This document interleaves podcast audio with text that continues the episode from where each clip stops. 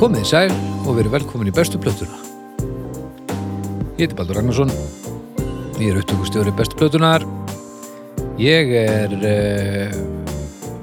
hérna í hljóðkirkjuturninum uh, bara marga daga að eitthvað gera eitthvað með hljóð, minnst hljóð skemmtileg og ég á tölvu sem er hægt að gera alls konar með hljóðið annarkvort að búi til hljóðið í henni eða bara djöflast í hljóðinu sem maður býr til með skotturum á sér eða eitthvað og kemur inn í tölvuna með mikrofóni til dæmis það er gaman og svo er maður skemmtilega vinni sem kunna búið til skemmtileg hljóð með skotturum á sér þá kaupir maður fleiri mikrofóna og færa þá sem gesti í hvernig næsta þátt og þar má nefna til dæmis doktor eh, Arnar Egert Gott að segja þig. sem leiðis, hvað styrir? Ég er bara nettur, sko. Nei ekki, Jú, bara vélinn er í gangi. vélinn er í gangi Vélinn er í gangi, sko. Já, það og þetta, við erum ekki fyrir utan leikskóla því hér má vélinn vera bara í lausagangi bara í allt Já. kvöld sko. Já. Þetta er... Við erum að taka upp þátt nummer tvö í þessari lótu og þá er, það er svo, þá er maður búin að hita upp, mætti segja. Hvað sagður eftir í síðast þetta? Sikur, sikur flöturinn eða eitthvað Sigurflöturinn, sigurflöturinn, nei. Þú sagðir að eitthvað, einhver hefði hitt á sikurflötinn og hugsaði Ég, já, ég sagði hérna sæta, sæta, sæta punktin, sætapunktin já. the sweet spot. Ég hugsaði mitt, ég, ég fattaði allt sem ástund ég hugsaði bara, djúvel, er hann doktor í perra? eða? Hvað er að, hvað er að gerast þetta? Þetta er eh, já, já sí- hérna sæta punktin og séðan vorum við að sækja okkur mat í spöngina þetta er dásamlegt sko. Allt að gerast það. Og uh, talandum spöngira, haukur Mm. Sæ?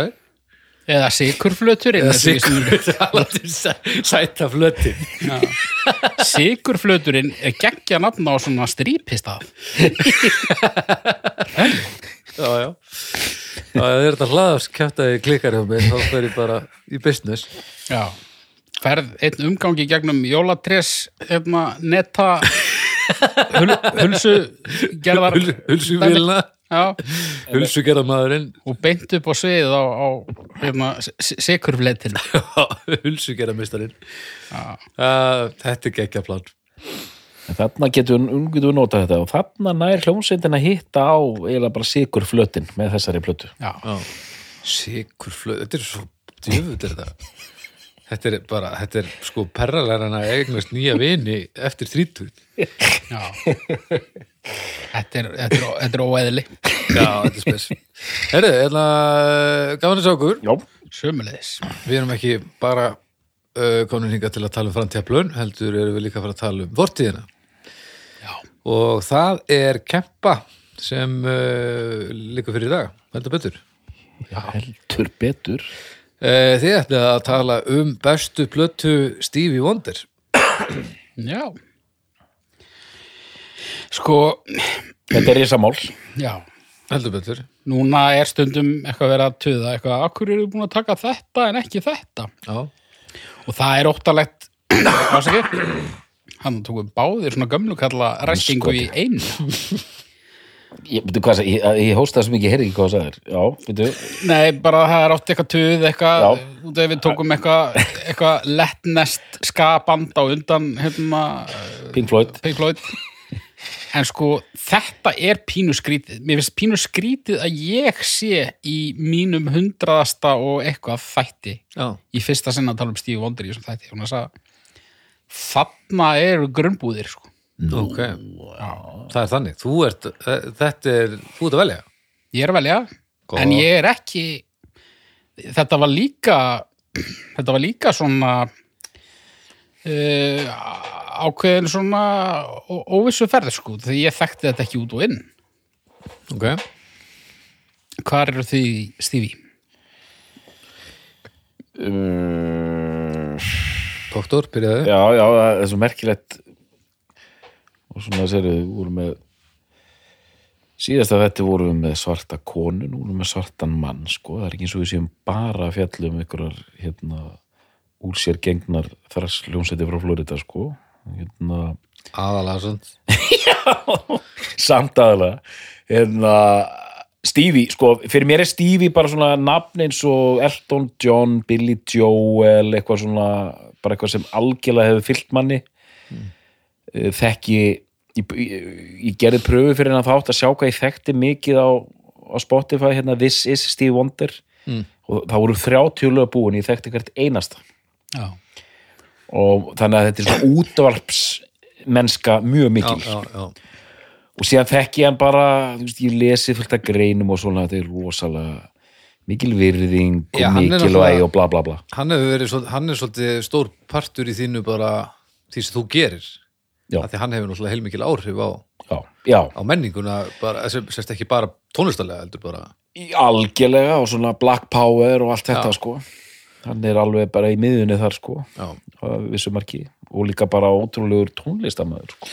Ég þekki litið sem ekki neitt sko ég, Mér líður eiginlega ég held alltaf að alltaf að- ég var bara aðeins of ungur til þess að ná að sækja hann á réttum tíma Já. og ef maður er ekki á réttum aldri þá þarf maður að vera með ákveðið aðhald frá já, fjölskyldu í, en það er ekki hægt að vera með aðhald gagvart öllum í heiminum Nei, nei. og Nei, nei. hann var bara ekki einn af þeim á okkar heimili svo ég muni allavega Hvað hva myndur þú þekkja mörg lög á This Is? Ég hef ekki, nefnilega ekki hugmyndu það Ég bara veit það ekki Ég er líka hörmurinn með nöfn sko Þannig að á lögum að þeim er sama Já. mér, er- eh, Nema þegar með úst, Já, ég, ég, þannig þú veist, hva, Ég gerði ekki hvaða, alveg grein fyrir því sko hvaða lög eru að koma á, á, á retro Á Retro? Sú- uh, Superstition Eh, hva, eins og þetta lag og Sördjúk. Já, svo djúk Þú veist, hérna Hva- eins og, hvað með þetta hérna I just called to say I love you Jú, jú, Þekkir þetta? ég þekki þetta, já Þetta er, alveg, þetta er út jaskaf og þessu var jaskaf svo rosalega út í eitísinu að það var mólíkitt Já. Þetta er mögulega versta tóndæmi sem að við getum byrjað þáttinn á en, en kannski fínt bara að koma þið frá. Já, þetta var bara svona plásturinn Já. uh, Já, en ég svo veit, eh, Já, þetta er bara eins og svo aftáður Maður maður hefur séðan náttúrulega séðan um miljón sinnum bregða fyrir Já, hér og þar já, já og hann er náttúrulega ofbúðslegt uh, celeb og íkon Já, einmitt, einmitt Já. svo maður notið nákvæmlega á, Já, það, það er bara að byrja sömu vegfæður og í, í síðustu þáttum með Nei. svona súpistjörnum sko en en þetta, þetta þessi al- Elton tenging til dæmis, Já. ég, það er svolítið já, já, þetta er alveg larger than life dæmi, sko Ef það er einhver að núti sem veit ekki neitt, bara ef það er einhver að núti sem fættist bókstaflega í gær, þá er þetta svona R.O.B. sól uh, listamaður, bandarískur, fættur á því herras ári 1950, mm. barnastjarna, þegar hann var barn, og síðan unglingastjarna og síðan fullorðinsstjarna.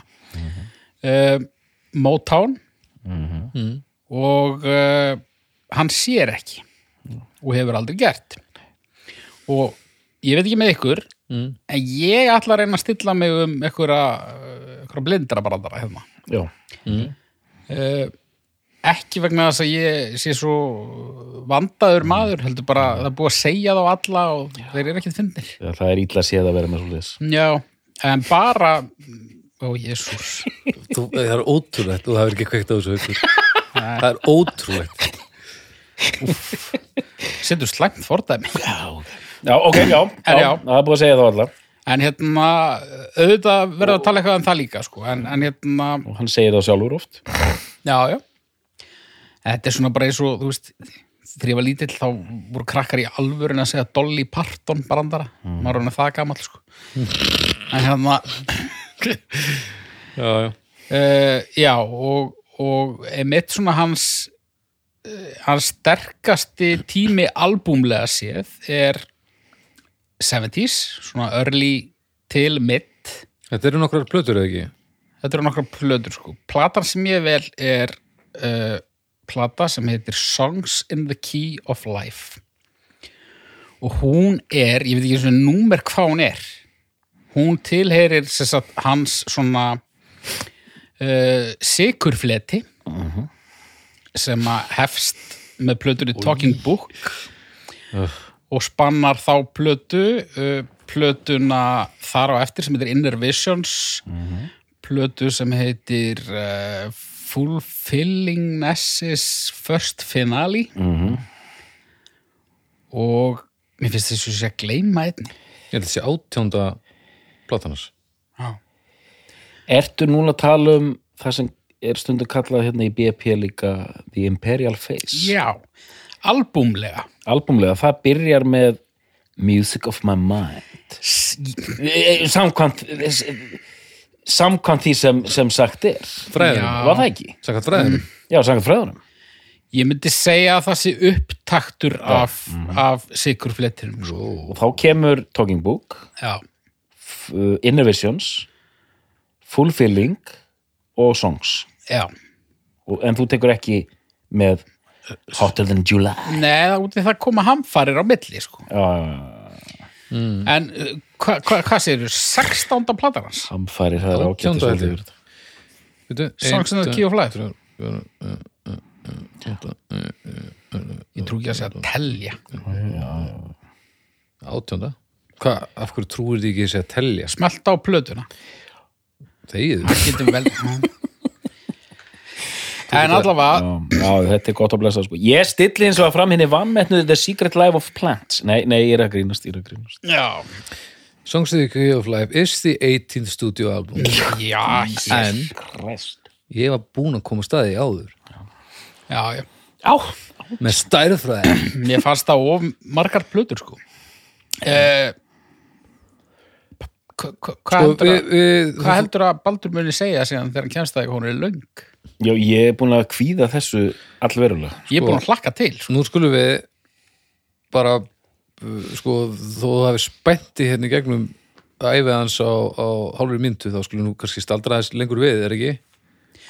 Jú, jú, en, en bara hefna, Vilt að ég aðtök, vilt að ég Athu- skoði Já, aðtöðu nú Ok. fyrir mig hvað hún er löng platan Songs in the Key of Life Allar, hún er, se- nei nei, nei, nei, nei, nei, nei 104 mínútur og 20 hvað stælar eru það? Hvað, af hverju? það er Er það konsept eitthvað? Nei, eiginlega ekki sko. Sko, plata, þegar platan kemur út, hún er tvöföld 17 laga Hún er svo- og já, svo- auk þess fjögurra laga smáskífa eða EP-plata sem sem fylgir með sko. fylgir með með fjórum aukalögum og er það betra? og þessi fjögur aukalög eru dálítið aukalög Er betra að þau séu með? Nei, það er ekki betra að þau séu með. en, en það voru þau valla með aukalögin sko. Njá, Samt til Ó, það er eitthvað eitt lag þar sem þú fílar pínu, svona eitthvað. Ó, Sjáum til. mikið er, mikið er Saturn, gott lag. Það er þetta svona gott lag sko. Ó, ó, En hérna, ok, áður en við byrjum alveg á byrjunni, þá, uh, þú veist, mér finnst svo merkilegt með hennan dúta sko, því að það er talað um, nú get ég ekki að hægt að tala um sigurflötin. það er talaði um hana. hörmulegt. betri en bli- blindrabrandarar Já, það er talað um hennan, hennan menta sigurflöt, þarna, hvort sem hann byrjar á, hérna, flötunni sem þú nefndir eða, eða Talking Book. Ó, þetta hljómar svo einhver kall að tala um geflett. Já, Gamall maður að tala um geflettin. Komðu nú, leiðu mér að finna sikurblettin. Nei, það er mynda sykurflöt. Sykurflöt. en sko, Jöfull, eru sko það gamlir áður en, maður. áður en við erum komnir á, á, á, á, á sigurlendurnar, þá erum við með sko, bara, tökum bara lög sem tilheyra ekki Imperial Face. já Já, Mhm. Uptight, Everything's Alright uh, Signed, sealed, sealed, Delivered I'm yours I'm Yours uh, hérna uh, My Seria Amor My Sherry Amor Na na na na na na Mhm. na og er allavega eitt eða tvö lög viðbútt For Once in My Life Aha uh, Someday at Christmas Mm. Jesus Christ já. þetta eru lög, þetta er bara svona eitthvað Þetta eru- músík til rauna stífi sko. sko, Þetta eru bara reytingar sko já, það var bara að hita sig upp já, nokkulega. Þessari styrlun sko En ok, fættur 50 uh, í einhverjum eh, uh, hvað- hvað- hann er Hann, Hann var hvar er ekki hann fættur? Michigan Jú, eitthvað staðar, hérna, Var einhver krummaskuði í Michigan eitthvað svona norð, norðan við Detroit eitthvað staðar. Eh, Uh, Svona einum og hálfum tíma norður af Detroit, segjum það. Saginaw, Michigan. Já.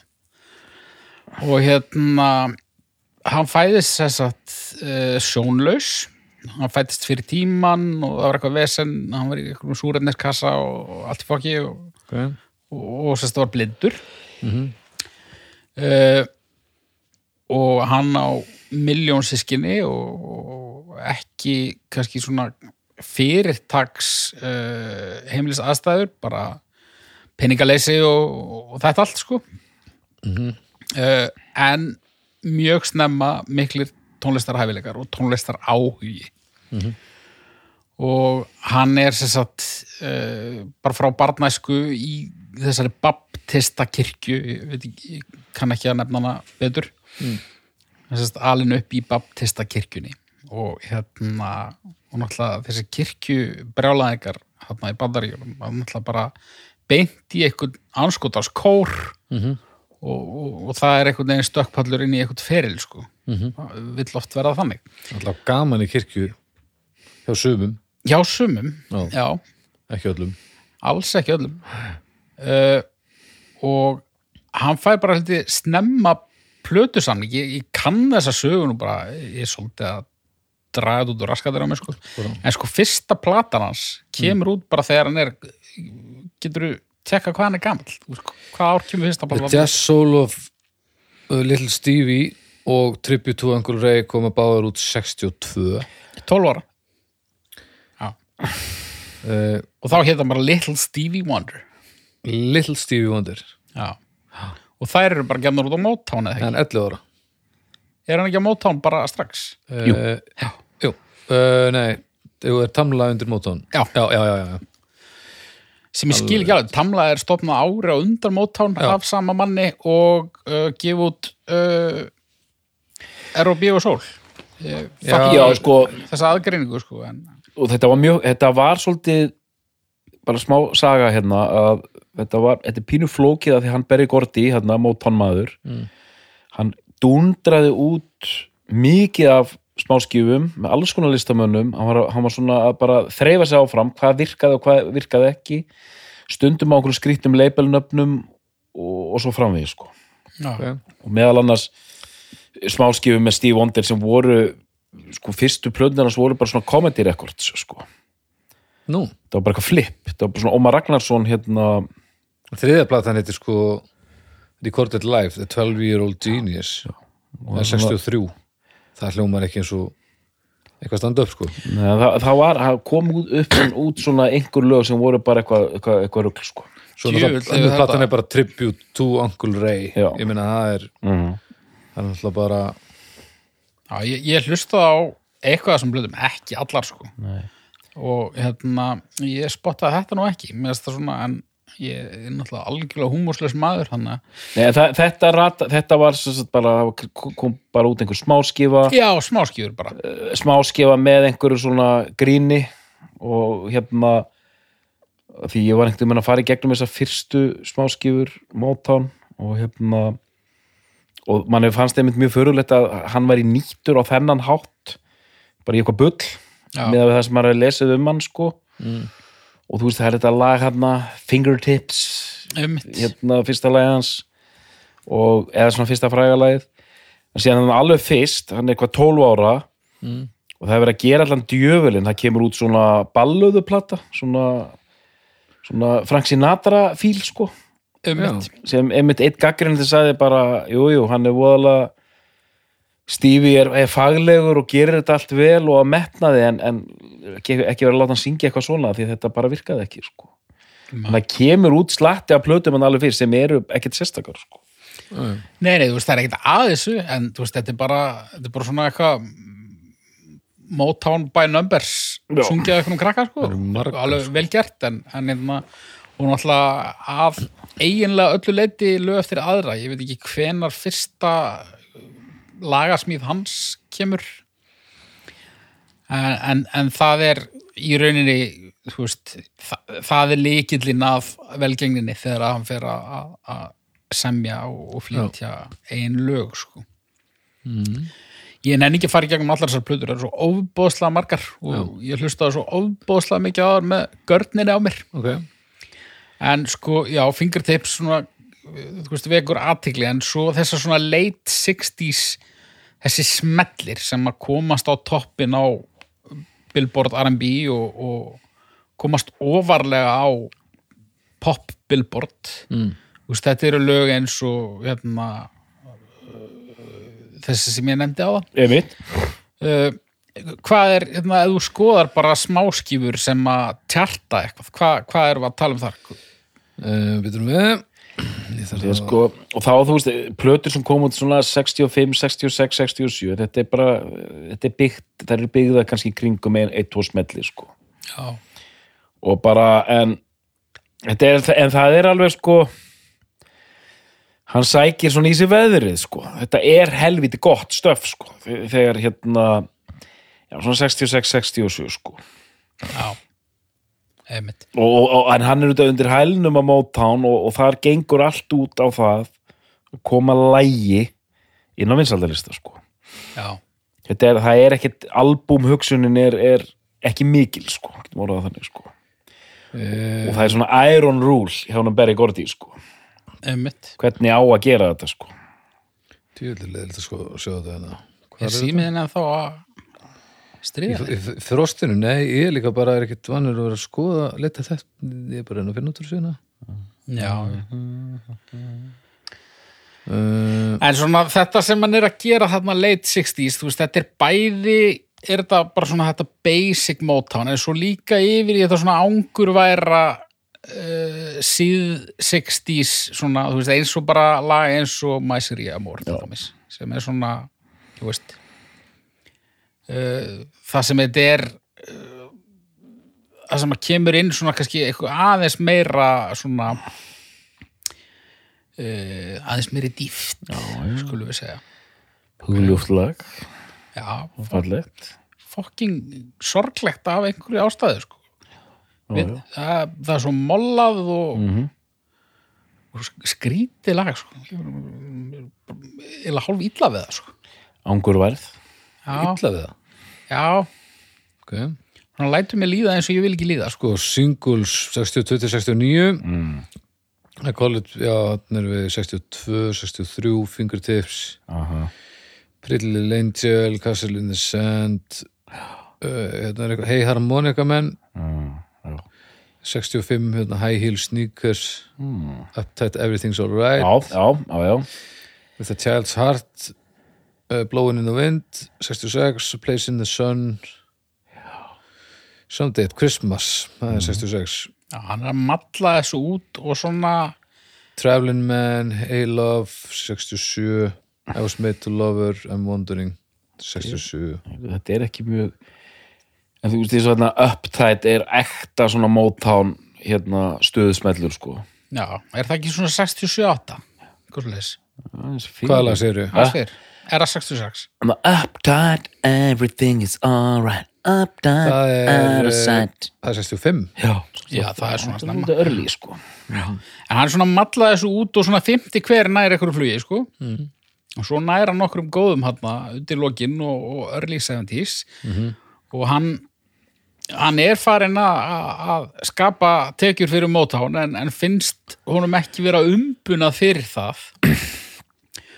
og þegar hann losnar úr þessum samningi þá, þá fer hann eiginlega svona að, að svona playing hard to get, sko Ok, hann vil fá uh, hann vil fá fullt uh, sköpunarferelsi nummer 1, 2 og 3 -hmm. og svo vil hann alltaf bara fá meiri monninga meira af skotsilfri og það fær hann og hann gerir nýjan samning við Motown og undir þessum nýja samningi er ekki fyrsta platan, er það ekki Music of My Mind, er það ekki fyrsta platan uh, eftir að hann endur semur og fær hann að jú, gott ef ekki sko en ég vildi nefna áður nú fyrir mig hana Music of My Mind hérna, Jú, fyrsta platan, Music of My Mind fyrsta platan sem er tekin, undir, tekin upp undir þegar það kom nýr samlingur Full Artistic Control fyrsta platan sem íjar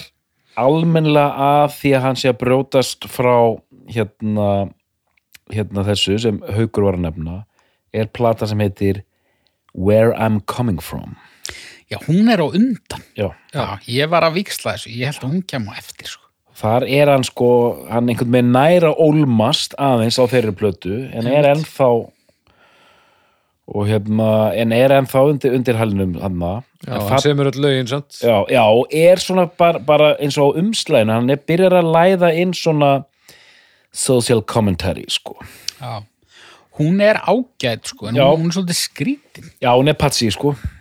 Hann er Hún svona, er það. hann er svona svolítið í einhverjum stellingum. Mm. Hann er ekki alveg... Sumu lendir hann samt alveg, sko. En já, þetta er rétt. Þetta er, þetta er alveg hárétt. Þetta, hérna, skilin eru þar, sko. Já. Ok, Uh, ég man nú, það var ekkert lag á henni samt sem að er, uh, er það sem að, Nei, nei, en, en það maður heyri bara, það eru svona tilraunir, það er verið að hérna... hvað verður hann coming from, minnur? Já, verið að kom, það eru svona tilraunir og svona bara verið að... Tveir singlar, Never Dreamed You Lived in Summer og If You Really Love Me. já, Þú veistu að það er einhver svona Black Panther, hérna, er handan við hotnið þarna, sko. Og síðan kemur hann að Music of My Mind og hérna... Já, sem fyrsta plataði mitt á þessu nýja samningi, sko. já. hún er líka hún er ekki fullkomin Nei, hún er Hún svona... er ekki 104 mínútur, Nei, nei. hún er 47. Það er fínt. Fyrir ekki aukur. hvaða smáskjúr kom út af þeirri plötu Superwoman, Where Were You When I Needed You og Keep On Running. já ok, já, og þau- hún er rosa fín sko og, og emitt ég, ég- ég bara hreinlega vissi ekki að hún væri talin með sko þegar við erum að tala um ég hef alltaf hugsað það sem Hans tímabil minnur. já, ég hef alltaf hugsað það sem talking book og, og uppbúr sko ég vissum að það stendur á Viki með Music of My Mind almennu færslunni að þetta sé álitin fyrsta platan í þessu e, Imperial Face Steve Wonder í 70-sinu sko. já, ég trúi þér alveg, þú ert með, mm. með dúsk já, ég, Já, já, ég meina. ég, aðeins að efast um ég er kannski. bara með rostbíf Ætla samlóð dúskurinn að Ég er að hvísla. að- að trúa Wikipedia. ég, ég kom Þú nú- segir Wikipedia hvernig þetta var. Hann er virkað það. hérna, en sko Music of My Mind þar er þessi bublandi föngaði sinfi bara mættur sko, já, það er stuð já, já, það er eitt hræðilegt lag á sælblötu býtur nú í hvað lag eitthvað Sweet Child það sem hann er bara að runga sér allan allt, hérna bara eitthvað svona er eiginlega bara að anda í mikrofónum Sweet sko. Little Girl. já, þetta er ríkalegt lag, þetta er alveg hörmul, hörmulegt sko uh, uh, the album hit number 21 in the Billboard LP charts and critics found it representative of Wonder's uh, artistic growth and it Mhm. is generally considered by modern critics to be the first album of Wonder's classic period Já, bara það sem að ég hef sagt frá því að við Já. hófum þannig að þátt. einmitt Uh, já, það er svona ekki að grenja en svo, svo svona næsta plata er svona, nú byrja ballið, sko. okay. Nú byrja aftur að koma lög sem sko lifa bara á gullbylgjunni en þetta dag í dag, sko. Eins og þessi, eh, þessi lög sem vorum að tella upp hérna áðan, sko. Mm. Fyrsta lagið á henni, You Are the Sunshine of My Life, er það ekki? út að tala um Talking Book Já, uh, fyrsta lagið er You Are the Sunshine of My Life Já. vissulega sem er sennilega eitt væmnasta lag í öllum heiminum. við erum þar Já. Hvað haldið að margir feður hafi dansað við nýgiftar dætur sínar við þetta lag? Ah. Eh, ok, nú er ég búin að ákveða þegar ég dansa við hérna stelpunar Ekki? You are the sunshine of my life yeah. já, já. na, na, na, na, na, na, na, na. Ó, þetta er svona einhver svona Wow, wow svona gamlir sikkhundar sem finna leið til að sína tilfinningar í gegnum þetta lag Já, já. djöfinstrasl, Ísold, helvítis Ísold og Karolina komast ekki upp með það að ég kem og dansa við þar Nei, nei. Sy- Ég ætla að syngja þetta Já, Ég ætla að syngja á lagið. meðan þú, Já. þú dansar og vanga þannig þú ert að, Já. þú ert að öskra Já, þetta ég ætla að vera með svona, svona mikrofón svona hérna, statíf hérna. og í jakkafötum frá 1971 Já. eða hvernig sem- sem þessi plata kemur út 72 þetta er bara geggja plan já. En sko, þetta, þetta er þetta sturgluð plata. já, skemmtilegt líka minnst það ógeðslega kúl fyrsta lagi á þessar plötu það er bara einhver maður sem að byrjar að syngja þetta lag svo Já. kemur bara einhver kona og syngur og svo mætir Stífi hvað er þetta bara að hjálpa um þeim? Já. það er bara bakrættasöngur þetta byrja þetta bara Nei, Jó. Já. þetta er bara svona nema ég að vera að hlusta okkur vitlu svo útgáfu það kemur Nei, bara eitthvað nei, maður nei. You are the sunshine eitthvað svona Billy Ocean melur sko ok. og svo mætir konan Já. og, og hérna hvernig er hún?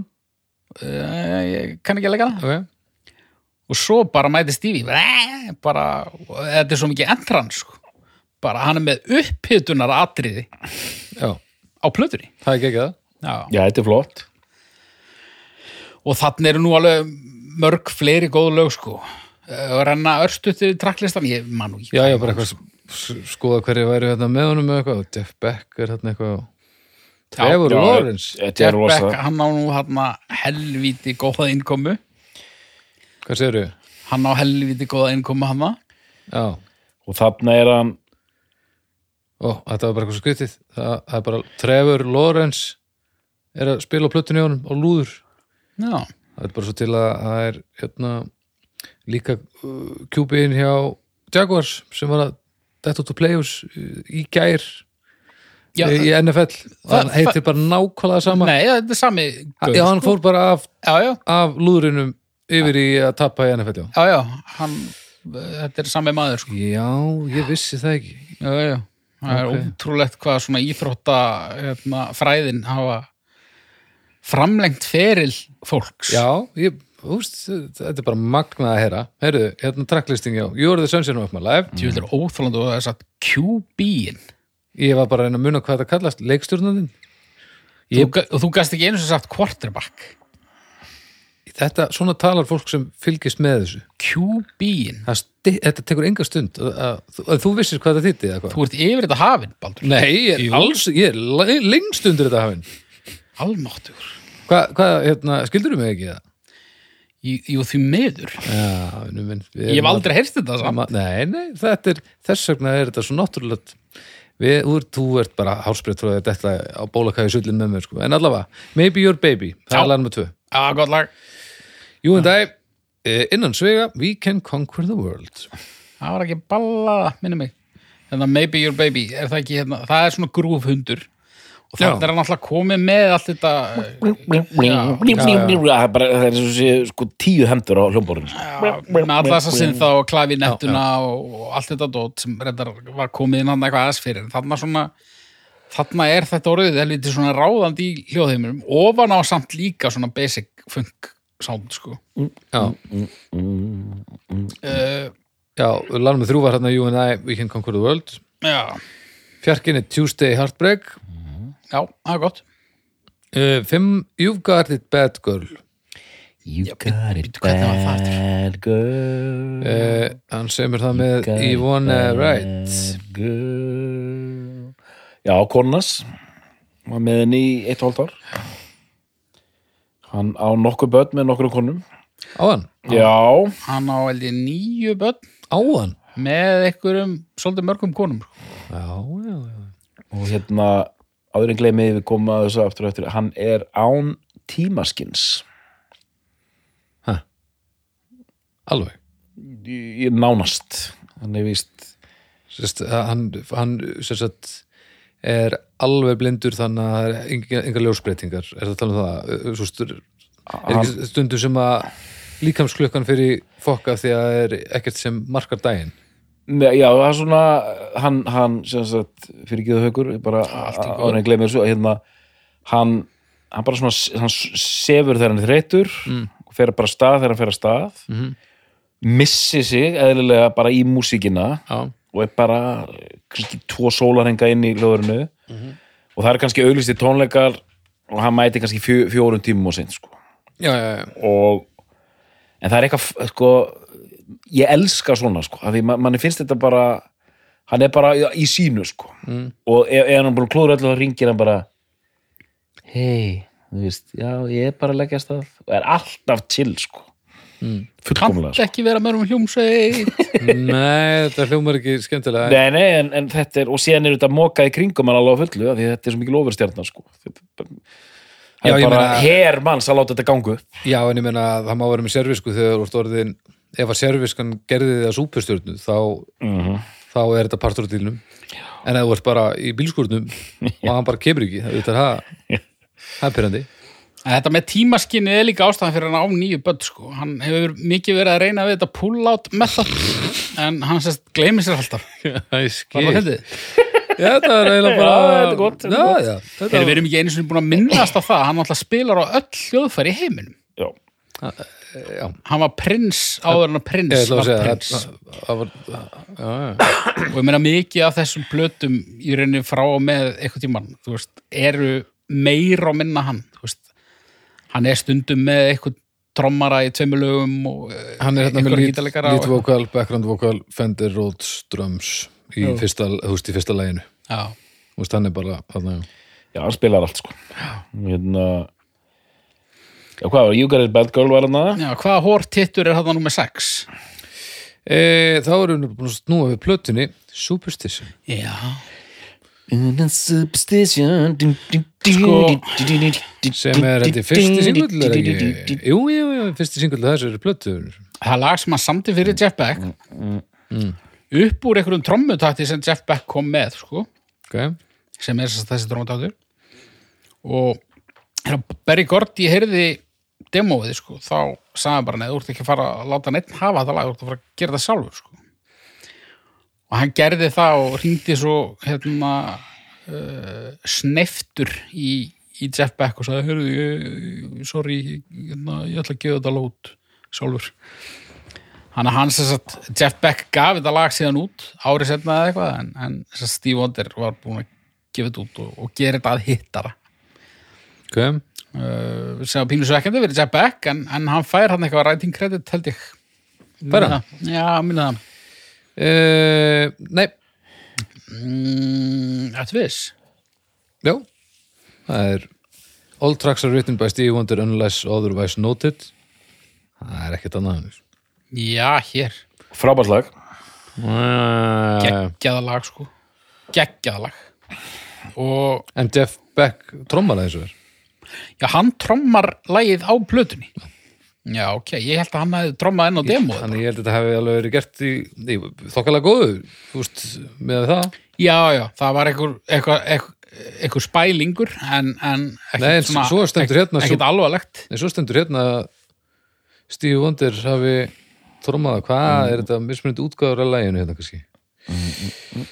E, bör, Nei, ásanga þessu þá á Jeff Beck að hafa trómaða þetta og, og QB-in á tenorsaxofón Já. Þinn maður já, já. Ég ætla bara að nota tóneirað og segja að, að uh, það rétta í þessu sé það að Steve Wonder trommi inn á Superstation eins og við þekkjum það Ég tel mig hafa eh, náð svona ágætlega utan um hans trommustíl í þessum undirbúningi okay. Ég ætla að segja þetta sé hann Okay. en uh, það þarf ekki að vera þessi rétt Hérna, kannski Jeff Beck bara með nákvæmlega sama stíl en það ekki þekkt línasta statement svona, svona nú, ég, ég hinga ekki lengra ég En meina- ég vonu að hafa réttur þér já, já. Uh, já, rosalega og sko það er líka rosalegt að eiga lag Mm. sem að svona skilgreinir heilt hljóðfæri bara þú ert með þetta klavinett mm. bara þú myndir setjast þér fram á svona hljóðfæri þetta er svona no stairway í gítarbúð dæmi Klavinett, hvað er það aftur? hérna svona Já, já, hljómborð með já, svona, já, já, já, já. svona pínu hapsikort en pínu sem þið já, já, akkurat og þetta er bara þetta er bara lagið með klavinettunni já, já. munið eftir einhverjum öðrum lögum með einhverjum öðrum artistum sem að sem eiga lög já, já, Nei, sem að eh, nota þetta lögfæri já þetta hljóðfæri minnur já. Þetta er mjög- Eftirminnilega. Nei, þetta er mjög einkennandi fyrir hann sko. hann notar þetta svolítið mikið sko. Þú veist, þetta dettur alveg inn í diskóið mm Mhm. -hmm. veist, ég man alveg eftir hérna Ég ætlaði að mér, þú veist, þetta, þetta er svona eins og Semballinn og Golden Brown, þú veist, Já. þetta er alveg Já. svona þannig já. afgerandi. Gonga, gonga, gonga, gonga Já, já, þetta dettur svolítið inn í diskóið Commodore svo að nota þetta og, og örgla, flest þessi diskobönd þarna, en samt mörgum ára setna sko. en þetta er svona klavinettu lagið sko. Okay. frábært lag og, og þvílitt grúf uh, og ótrúlega skemmtileg notkunn á þú veist, lúðra lúðurum einhvern veginn, Já, dreifur. já, þeir hljóta nú að vera fleiri sko. Uh, já, Steve, Steve uh, Madaio er líka þarna á trompet. Þeir eru bara skráðið tveir, sko, með honum. já, Uh, svo kemur Big Brother, já, mann ekki hvernig það var svo kemur Blame It On The Sun, já, það er gott Looking For Another Pure Love, Já, það er það, það uh, býtur nú við ég setti það nú á playlistana sem ég bjóð til mann samt ekki hvernig það er Já, Jú, það, það er held ég svona það er svona funk ballaða það er svona svolítið svona mm. grúfandi hægt eitthvað ef ég maður rétt góða saga hugur já, já, og svo I Believe When I Fall In Love It Will Be Forever. Já, það er náttúrulega rosalegt lag sko. Það er sakalett, þetta er lokalagið í myndinni hann maður, High Fidelity já. og örgla fyrsti snertipunktur margra við þennan listamann Já. allavega svona já, ég, Þetta ég, lag- þú veist, ég ímynda með það Þetta lagið eru cover þetta aldrei mikið sko Mér segja, Minn maður, Michael McDonald hefur hérna coverað það sko já, og en þetta er sakalett lag sko það er rosalegt ég, when I Ég er að- love ég er að fá alhúð núna, bara að hugsa um þetta lag sko. Allt húð. bara algæsa húð Nú, Hvað er þetta? Ég skulle syngja með það I believe when I fall in love this time it will be forever I believe when I fall in love this time it will be forever Na na na Na na na Na na na na na na na þegar það Nei. Nei. Þetta er gott lag. þetta er sko, þetta var svona eiginlega álgjart deep cut sko, ég, ég, þetta hlýtur samt að hafa verið singull sko. Uh, þetta var samt heldur Eh, svolítið mm, nei. glimt lag Já, ára að koma í nei. þessa mynd sko. nei, Þetta er ekki, líka, þetta ekki er, singull. ekki singull lögin. þetta er hálgjart progg, þetta er alveg, eh, þetta er svo kaplaskipt þetta lag líka. og svo líka sko bassin í viðlögunum er svo mikill sinnþi sko. Já, já, uh, eitt sem við verum að nefna það er sko, er þessi er þessi tonto sinnþi mættur á þessa plötu, segir það Uh, í... Veitum við, hvað er að sá ég þessu breða fyrir áðan? það er einhver einhver uh, voldugasti sinnþi sem smíðaður hefur verið Tóntó? já hann myndi mögulega komast fyrir inn í þessu herbergi en ég er samt ekki alveg viss Já, við erum þar sem sagt, já. já, Nei, ég sé að hann er með ok, hann gæti Hóner og Múk mikið, jú, Tóntó Tonto mætur, já. komi inn í þriða lagi Tóntó Já. og Tóntó líka í Garrett Bu- Garrett Bad Girl E eru það ekki tveir pródúserar þessari plötu? Tonto mennitir, hvað heita Uh, Það er Wonder, það er Robert Marguleff akkurat? og Malcolm Cecil Já, sem voru bara einhverjir, þetta er bara eitthvað júli rafirki og vinur hans sem byggðun að synda, sko. sem voru bara Ton- Tóntó og hann Já, og þeir byggu bara til einn, Nei, jú, það er bara einn til, sko, ok og Wonder notaði hann á fullt af plötum, Ok, svo voru einhverjir sem notuðu hann líka, sko, og svo voru þeir með eitthvað projekt sem ég man ekki hvað hétt, sem hétt eitthvað asnalegt. Mm. og svo uh, svo hann kefta nú ekki en hann er það Mark Mothersbaugh úr Devo hann var einhver svona tonto gæslu maður í mörg ár og let eitthvað lappa upp á hann og núna maður er hefur sérst tóntó já, og núna er tonto sérst á einhverju listasafni í Calgary í Kanada og þar getur bókað upptökusessun og nota tóntó Já, hvað kostar það? veit það ekki mm. öruglega meira en flugið fram og tilbaka frá Kalgari Hættu því ímynda ég mér en það væri nú ekkert leiðilegt að fá að taka í dýrið sko Takk í tóndóðu Nei, er það, er það hópverð ég veit það ekki uh, ég, Fer til að taka í dýrið Hvað myndu, við taka- hvað myndu taka upp? Nýja blötu? já, eða, þú veist, kannski bara uppfært uh, byrjunarstef bestu plötunar eða eitthvað. Já, Ég það veit var flott En já, þeir, sest, og, og þeir, þú veist, þessi synthi náttúrulega fór ekki neitt, skilur við. Nei, Það- það- það var það- ekki með handfangi Nei, þannig að þú þurfti bara að fara til þeirra og þeir þurfti bara að pródúsera. Já, Æ, hérna, já, já, ég, ég, ég er ekki mikið, ég hef ekki mikið vit á synthum þó að ég hafa áhuga á Nei, þeim. Þannig að ég veit ekkit hvaða hljóð eru úr hvaða syntha, þú veist. tóndóður í bleimindunum sönn allavega Ok, Það er líka múk og þannig að ja, þetta er eitthvað svona blanda já, Og þarna, sko, þessi plata er oft nefnd sem besta plata, Steve Wonder Já, og hún er líka þarna bara umslæð, hann er farin að umfaðma rætur sínar mm. farin að skarta svona afrískum búningum og svona, fötum já, Þannig að það er ímislegt að gerjast í kollunum á honum, sko Mm. 22 ára gamall finnst ykkur ekki skrítið þú veist, eins og þessi umslög eru mörg ógæðslega töff Mm. að hann hafi ekki séð þau Já, sko ég bara, ég gat ekki hætt að hugsa um þetta mm, hann hefur ekki séð umslögin sín nei, nei En hann veit að það er mikilvægt að þetta sé í lagi og hann veit líka veit hann það hann veit líka að hann er ekki besti maðurinn í verkið hefur séð peysunar saman um stundum í ég held að hann viti ekkert hvernig hlutin er að vera eðlilega, Já, ég meina, hann veit ekkert hvernig umslæði á að vera en hann gerir sig, þú veist, hann veit að já bara fær Þetta er rétt part- fólk í verki já, þú verður, þetta verður að vera í lagi til þess að verillin gangi Já, já. uh, En svo, það er svo skrítið En jú, jú, þetta það er svo skrítið að sjá ekki ég er búin, að- ég er búin að vera með þetta á heilanum og veit þið hvað ég gerði hvað, ég veit, ég veit ekki, sko, sem tókstu viku með lokaugum neð, ekki viku Hvað tókstu langt högur ég er búin að taka svona sessjón bara við og við sko.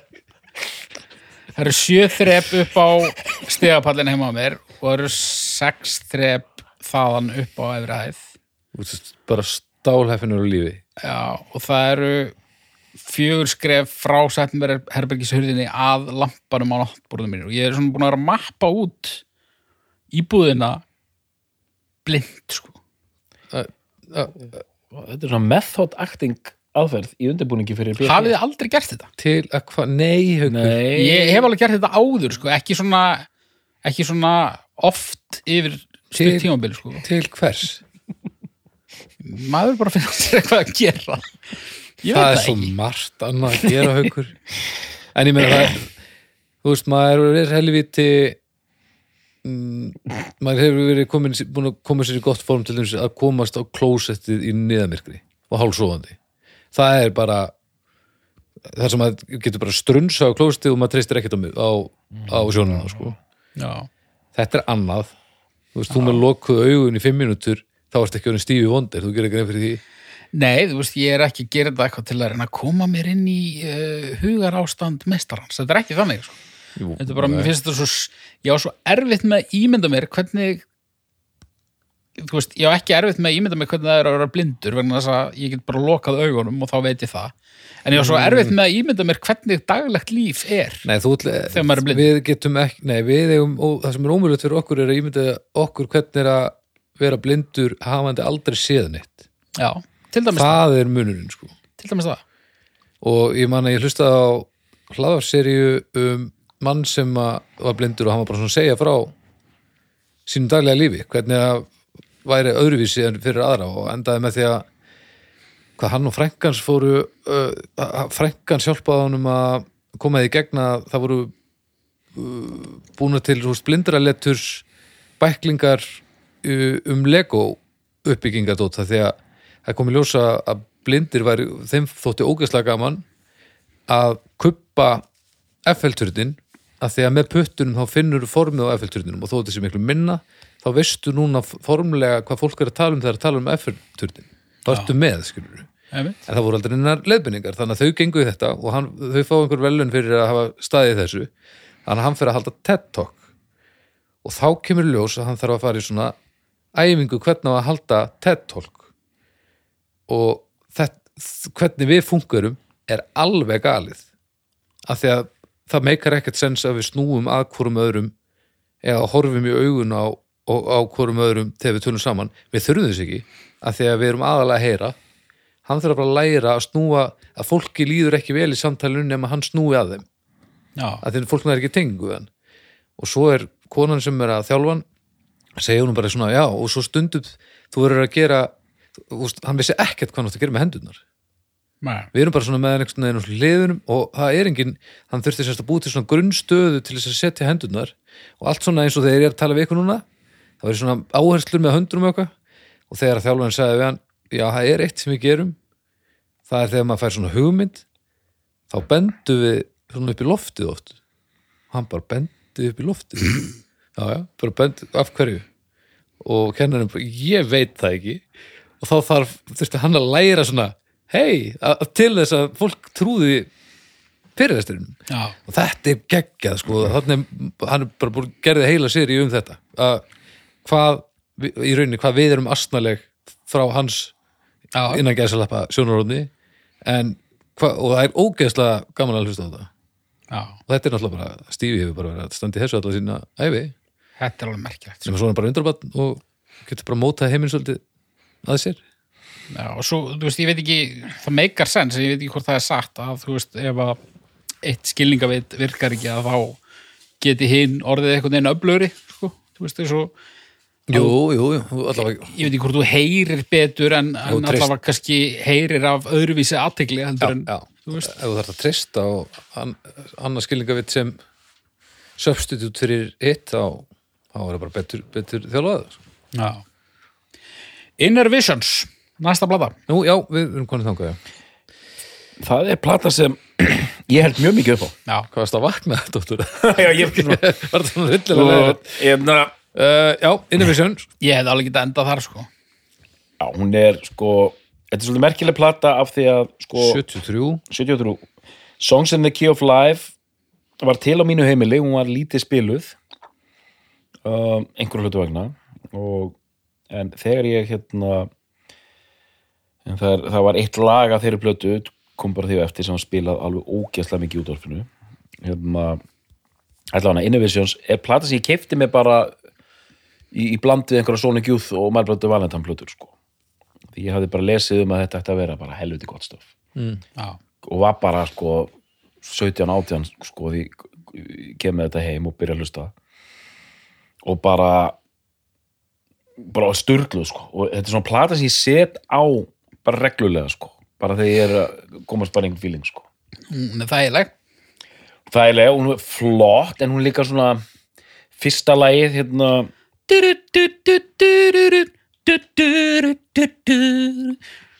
ó, dú, brúrum, brúrum, I'm too high too high Það lag til dæmis það er ekkert vitið í. ekkert vitið, það er eiginlega bara svona stíl í dan Mhm. svona grúfhundur já, svona, svona djassaður og grúfundur eitthvað þarna kemur lag þarna gerist hann mjög pólitískur á einu stað Living in the City fjallar, um, hér- fjallar um svona einhvern eh, auðnuleysingja í stórborginni og bara ógeðslega flott svona hérna, samfélags ádela ógeðslega gott lag, alveg briljant og sen er hérna lag sem Red Hot Chili Peppers coveruðu hérna higher ground Higher Ground Það er fyrsta lag á bílið Mm. Mhm. og bara hún rúlar frábærlega þessi plata sen er svona geðu eitthvað ballöður hérna, Golden Lady og hérna og lagi sem kemur beint og eftir hérna fyrsta laginu hérna, Missions já Visions ógeðslega flott svona bara slow ballata einhvern veginn Já, mér finnst þetta briljant plata hvað, hva, fyrsta lagið Too High Visions, hvað er lag þrjú Living for a City já, Golden ok. Lady Golden Lady 5 Hliðbúin, næsta hlið Higher Ground Mhm. Ok. Jesus, Jesus Children of America skrítið lag All in Love is Fair Mhm. Don't You Worry About a Thing Ó, það er gott lag, og He's Mr. and, Mr. and Over Ó, og það er ekki gott lag He's Mr. Know-it-all Já, mm -hmm. þú hefði ekki endað þarna Já, eh, já, sko ok, núna er kannski fýtt tímapunkt til að segja, það. mér finnst engin af plötunum hans skotheld, sko engar allslemur Nei, ég myndi segja bestu Stevie Wonder plöðunar fengju átta hjá mér og því að það eru á þessum tímabili ekki hundar, það er svona eitt og eitt lag sem er kannski slaft en það eru fillerar en þú veist, við erum samt held ég líka að tala um bara í samhenginu sko. þú veist, einhver, einhver frekar slappur Wonder filler það er alveg betra lag heldur en uh, eitthvað sem að aðrir hafa uh, toppað vinsaldalista með djúvill er áhugavert að skoða hérna hvað, hver, hver gerir hvað í hverju lagi -hmm. Stevie Wonder, lead vocal, background vocal piano, drums, moog bass Júsuf Róman, shaker Don't you worry about a thing Var það ekki og, næstist? og Sila Wilkerson á bongo og latín það er greinlega latín grunnur einhver sem að hann hefur fengið Djöfull er það gott lag Prólið.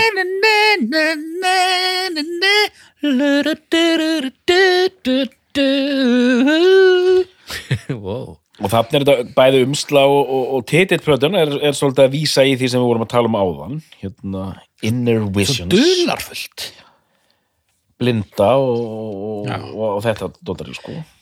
Ég Svo- man Sorry, já svo uh, þreymur dögum eftir útgáðu þessar plötu Já, drömburinn á drömburinn Já, ég hef aldrei heyrt þetta helvits drömburinn sko Ha, píti nú við Þá En lendir Ég var hann- sko lendir hann í byrjsleysi Já, alvarlegu slissi já eða sem að samkvæmt Wikipedia sem er víst uh, alltaf því bara heila sannleikur, alltaf þá var hann að uh, í bíl með einhverjum vinn sínum og þeir eru fyrir aftan einhver trukk sem er rosalega mikið af stórum trjám á vagninum og hann negli niður og þeir aftan á hann og það koma bara drömbar ja, koma bara drömbar inn um framrúðuna og hann fær drömb í andlitið bara í- Þetta um Já, og alveg bara missum meðutund og liggur í Í- koma í tíu dag já, dái tíu daga Og misti lyktaskinnið Það eru tvö farin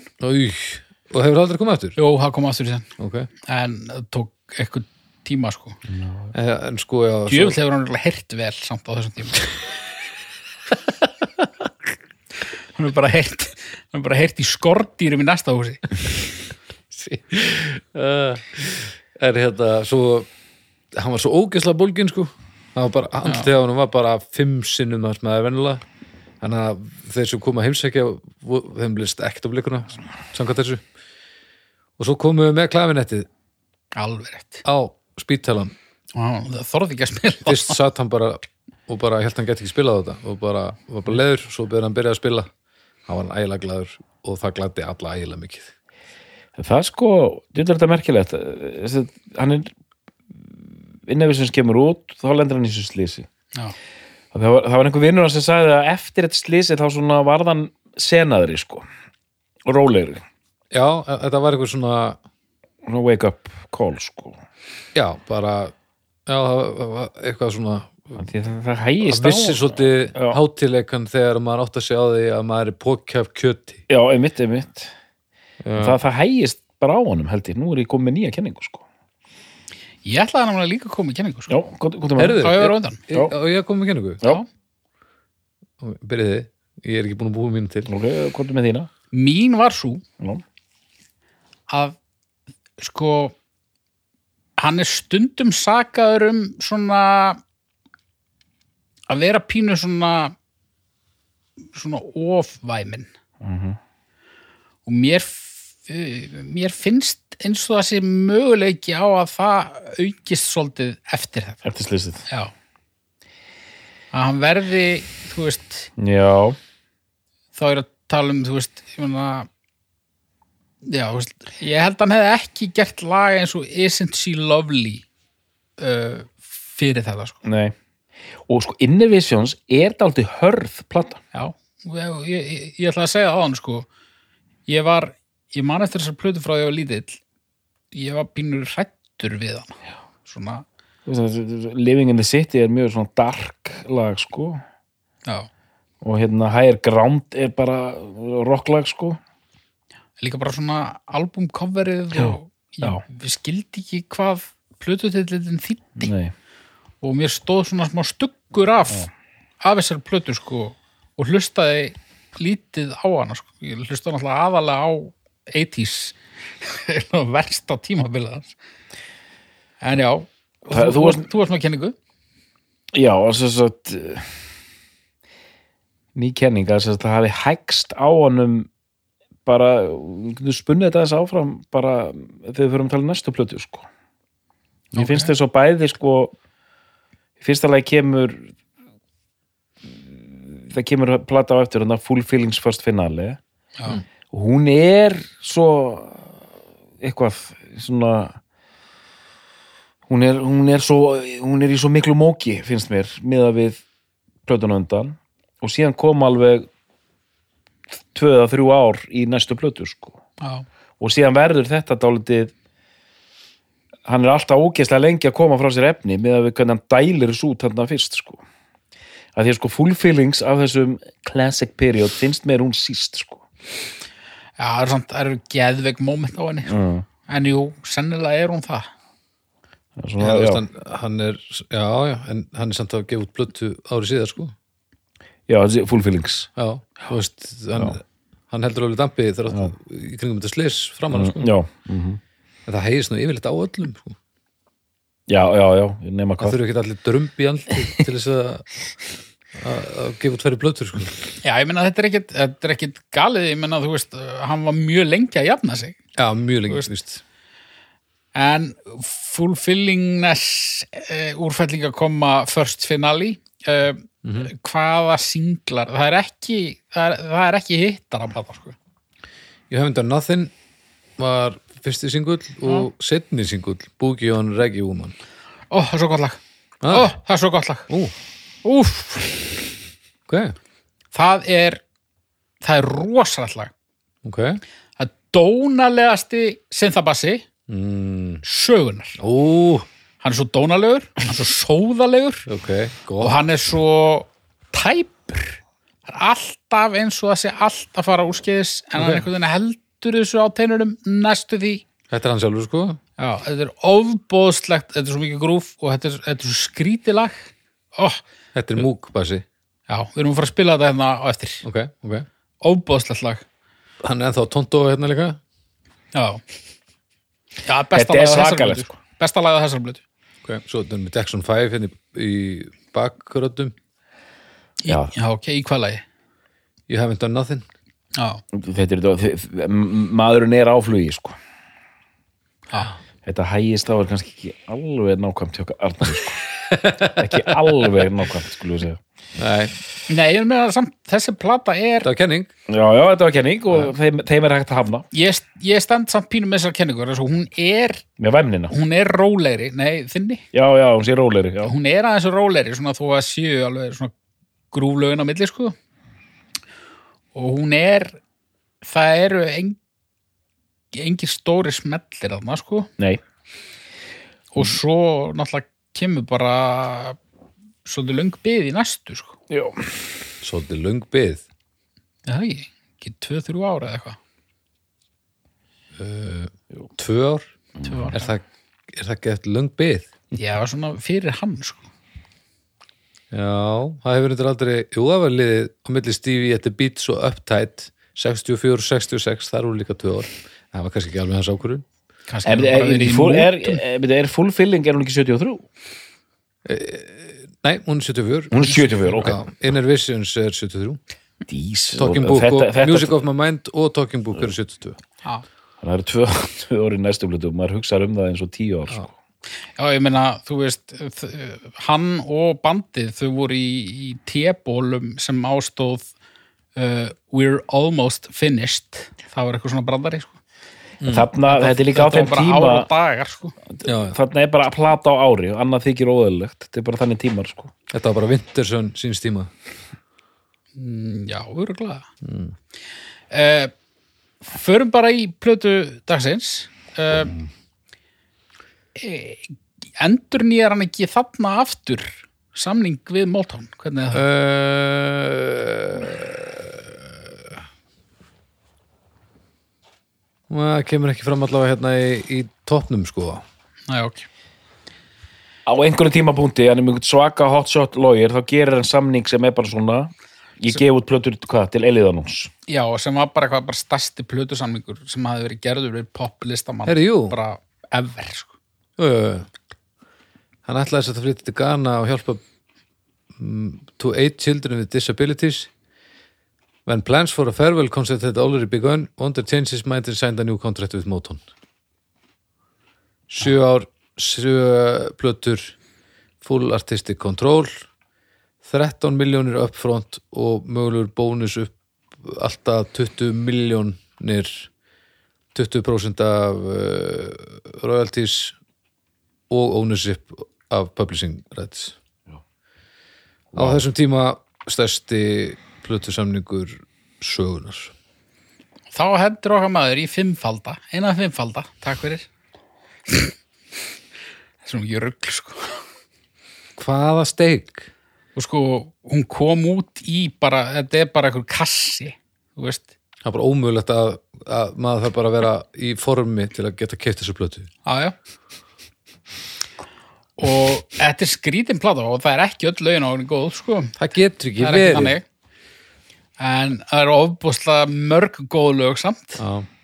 uh, byrjar mjög fruðlega hún byrjar á einhverju svona freka rólegu sjö mínútna læg já, mér finnst það geðvegt sko það er ekki aðvegt sko Love's in need of love today Það er svona mjög fallega gaman að melódi- segja melódía. melodi. því að love er kjúbiðin hjá Packers já, þannig að þetta er svona Love's in need of love today já, Æ, fyrir ekki, ég ætla bara að minna það á okkar menn Þetta er bara, já, mjög falletlag, falletlag.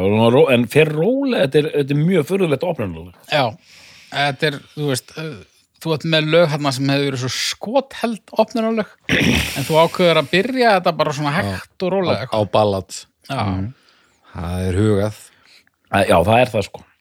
svo man ég ekki hvað lag 2 heitir en það er svona Have það, a talk with God heitir já, það það er svona, svona letilegt synthafeng eitthvað okay. ekki frábært lag en samt, Er þetta stuð aðalega þessi plata eða? Hún er alls konar sko. Já, þetta er bara svo white album sko. þetta er bara allt í heimi Það er bara allt út um allt sko. uh, Lánum með þrjú, er það ekki Ghetto uh, Village Ghettoland Village Ghettoland það er mjög skrítið lag en það er samt mjög gott lag sko. það er bara hann og Sinfi og búið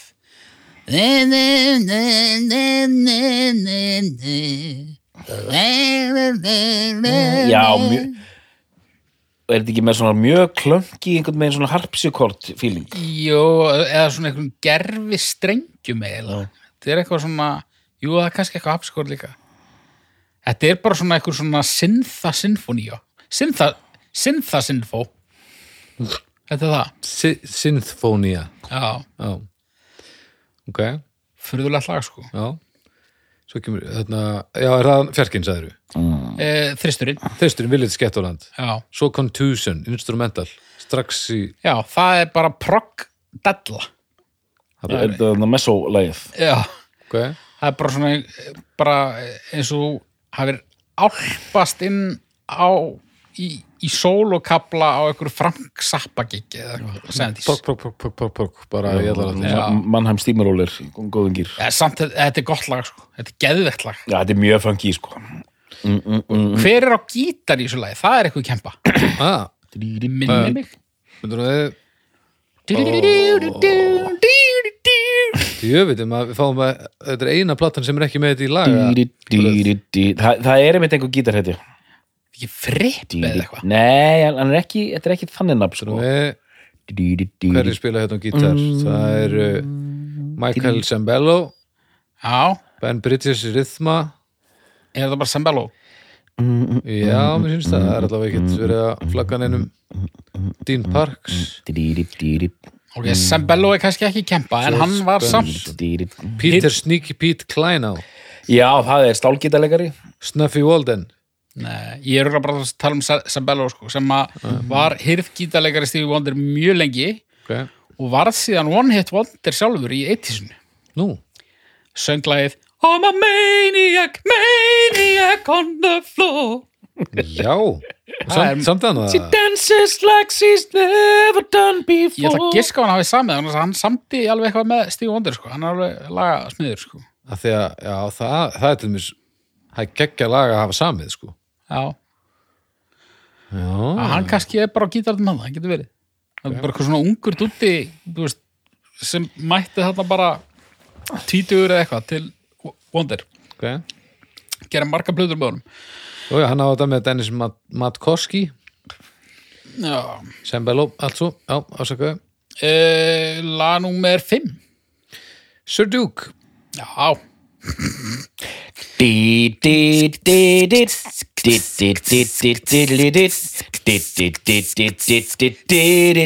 bum, Not bum, bum a body, but a da-da-da. But a body, da-da-da.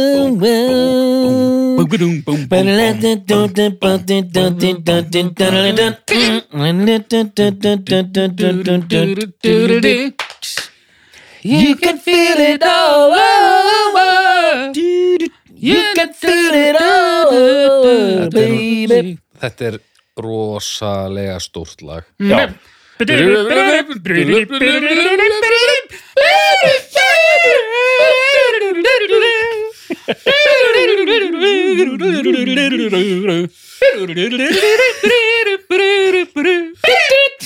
wow. Sjúbi Taylor okay. Norðursins mættir þetta Gæti gæti þurft að lækka það eins í ég get það ekki held ég. ég held að þetta sé bara það er bara búið að brennimerkja þetta í tölvuna Gjöfull er það gott lag Já, þetta er Eru það snill að tjóka? Þetta er Og þetta snildalag er sko, þetta er bara gullbylgju lumma Mm. En sko, eh, að skipa þessu lagi í reynslinu ekki sjans sko. Djöfull er þetta gott já, Þetta er ofbóðslega gott lag Svona óður til Duke Ellington Já Briljant E, eitt af þessum óþólandi fokking lögum samt sem að heita eitthvað fíblalegt en ekki bara húkurinn mm. Sördúk Sir Duke. Eh. já, herðu, já, fokkaðir þá er aðlið búin Já, af svo mörgum þá fyrir á bjellið númer eitt, Ævis hvað heitir það segir við? Ævis, I wish, já sem uh, er fyrsti singull Grúfhundur af þessu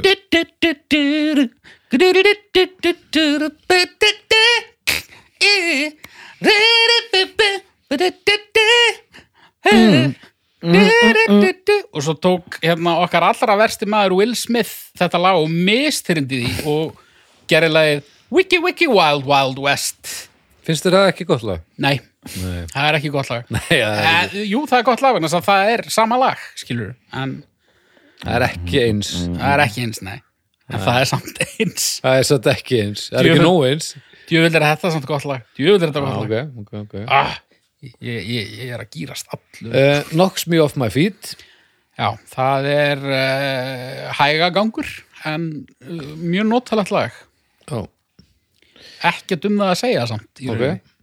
Pastime Paradise Já, já, já, já, já. Eitthvað Hvernig var það?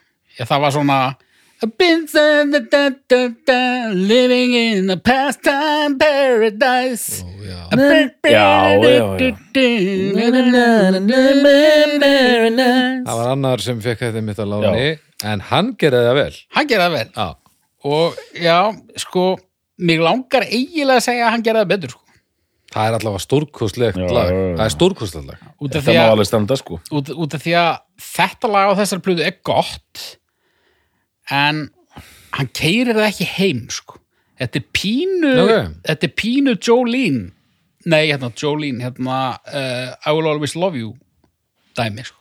Já, já, já. bara gott lag með Dolly já en, en hún keirir það Alveg ekki lag. heim það var, það var önnur sem gerði það Já, já. og Skilji. hérna skratta kollurinn hann Kúli og hann hann má eflaust segja margt um hann var hann ekki alltaf í ykkurum deilum við skattinn og, og alls konar vesen Jú, enda enda rappari Já. Mm. en hann, hann hérna, hann kerið þetta heim sko. Já, hann heldur betur svo fór hann reyndar í mál við Weirdal Jankovic fyrir að, það var, já, kofra sig já, sem kannski ekki alveg, og dó hann svo ekki, Var ekki Amis Paradise hann dó í fyrra eða hitt fyrra. það var ekki Já. En já, það er sem sagt uh, í rauninni sama lag en, en þú veist, hann bara svona rappar uh, það er þetta rapp sem að bætist við og það er líka svona bara meira power einhvern veginn í viðlögunum já Summersoft Summersoft, býttu nú við, hvernig var það aftur? Ég má það ekki Nei. en Ordinary Pain Ordinary Pain það er svona uh, mid-tempo fínt lag sko okay. Já, gott stöf það voru komin hlið sé Já, Isn't She Lovely Isn't she, Þetta er auðvitað lag sem er þetta já. er rosalegt isn't she wonderful? Það er, þetta er svo Non-US single annar single, non-US single Ég er Þetta er ekki- svo streitvæmið lag að ég dyrka það af því að það er svo streitvæmið sko. já ég er ekki nú ánægð með þetta lag sko. þetta, þetta er bara svona full blown sigurvæmni sko. Eh, sko Nei, þú veist, ég, ég, ég náttúrulega býja því að hlusta ekki á texta en ja. fílingurinn í læginu er geggjað ja, þetta, þetta, er ó, þetta er mjög gott lag En sko þegar, Mjög barn, gott. þegar barnsgráturinn kemur inn sko, þá fer ég bara að hugsa um gilva og gerði sko. Já, já, það er pínufæðingu í þessu ég segi það ekki en mér er sama Já, jú, myndur þú jú, jú. segja til dæmis að að fæðing, það grúfar ekki eins sko Ekki eins nei, alls ekki eins en, þetta, en þú veist, það, sem- það sem hann mér finnst hann ramma inn í þessu lagi þú veist, Isn't She Lovely og, þú veist, og mjög svona næfu texti Isn't She Wonderful og síðan kemur I can believe what God has done og eitthvað svona þetta er sama dæmi og þegar maður er að byrta myndir af börnunum sínum, skilurðu, þetta er allt indislegt og frábært og stórkostlegt og, og fallegustu börn í heimi maður sér, maður sér þetta ekki sko eða kannski er þetta allt saman spurningar Já, hann var eitthvað svona efins með barnið sitt bara, is it she lovely Hvað, Er hún ekki alveg erum við ekki- erum við aðalega? ekki í dásanlega það veist já, en hérna, mér finnst þetta geggjala Ég meina hann kannski veit það ekkert alveg Já, ég, ég ætlaði nefn, já, ok, þú, þú ætlaði þangað. Já, ég eiginlega hætti við þegar hún var orðið of sinn Ég, ég, ég, er nefnilega- ég vissi að þú myndi fara þangað ef ég myndi ekki gera það. Þetta gleður mig. ég, ég tárfældi þegar ég heyrði þetta lag þegar ég var að undirbúma sko Já, það ég bara fór ekki að láta sko Ok, bara veistu, Sko, ég ætla að koma með játningu núna Ég skipaði yfir þetta lag í þessari yfirferð sko. þarna. Ég hef náttúrulega hýrt þetta lag milljarsinnum Þú, En ég er að átta mig á því núna Ég held ég að ekki heyrt það síðan ég varð faðir sko.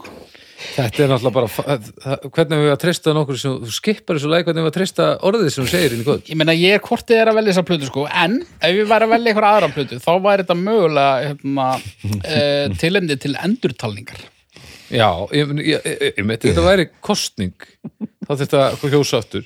En þú veist, ef þetta Þú veist, ef þú ert með einhverja geggjaða plötu Þú ert að hlusta á hana og svo er traksjö Gamli Nói Ertu að fara að hlusta á það? Þegar- Ekki endilega Jú, þú ert að hlusta á heilstæft, reyndar ég gefið þér þessum plati mánuður skilur en ef þú ert að hlusta á eitthvað sem er svona heilstæft verk og þú tellir það fram, þá að sjálfsög verður að hlusta á hundana líka. Þetta er ekki, þetta er ekki hund Þetta er ekki hundur en þú verður að hlusta á allt rastlið sko. Já, já já. En jafnvel þó ég þekki lægið, kunni lægið utanaf Breytir það engu? Din-din-din-din-din. Þetta er bara prinsum, þetta er bara on-off dæmi annarkvort hlusta á plötuna eða ekki og mér heyrist þú ekki að hafa hlusta á plötuna. Jú, jú, jú Það byrja slettir ekki þessu leiði. Núna Ég var náttúrulega ekki að hlusta á svo blötu í fyrsta skipti, sko Nei, nei, En hérna, ok Næst, var platan á þínu heimili ekki þessi, nei Nei, þessi nú plata þykk. var til samt á heimili í mínu nærum hverfi uh, Við áttum eitthvað stífi og svo voru aðri stífiar annars staðar Mm. Það voru svona kannski fimm plötur sem að ég get svona sagst hafa alist upp með og ég hugsa að ég hafi komist í best of plötu líka vegna þess að í yfirferðinni var ég að heyra plötur sem að ég myndist þess ekki að hafa heyrt áður en það voru kannski eitthvað svona miðlungsþekkt lög sem að ég þekkti vel sem að maður heyrir ekki í útarpinn í dag sko. ég veit það ekki en hvað hva kemur á eftir hérna, fæðingunni? Uh, Joy Inside My Tears sem að hljóma nú ekki eins og það lasi minna væmið Nei, býttu nú við, ég, ég ef við værum þannig þáttur þá þyrfti ég upprifjun en nei, nei, áfram, manst þú mm. Blackman rosalegt lag rosalegt lag, mjög politist Þetta er held ég fyrsta skipti þar sem að við hlustum saman á lag á leiðinni í upptökusessjón mm. af sko frá listamanni sem við erum að fara að fjallum sko. Já, Við blöstuðum þetta á leiðninga sko. Djöfuld er þetta gott lag Grúvar ansi mikið já Já, Na na na na na na na na na na na na na na na na ha, Blackman já. Ok, Nei, það er ekki alveg nei. Þetta er, eh, þetta er, þetta er stertlag bara geggjað, þetta er svona eins og Living in the City svona mjög þungt En þetta er alveg risa na, lagar ekki Þetta er samt ekki einn af singlunum Nei, þetta er ekki risalag þannig sko. En þetta er það stó, þú veist, þetta allavega hefur á sínum eigin síðu sko já, já, þe- sko, þetta er þungt politist réttindalag Já, og þarna er hann að stíga upp rosalega í því sko, og gerði það í rauninni á, í þessu klassiska skeiði sínu, þá er hann með mjög flott komment á stöðu svartra í bandaríkjunum og ímyndið ykkur platformin sem þessi maður var með. já, já Já. Þetta er bara því platform sem hann er með sko. This song was written about wonders desire for worldwide interracial harmony and criticism of racism Ebony and Ivory Já Þetta er bara og hérna The song was written by Wonder and Gary Bird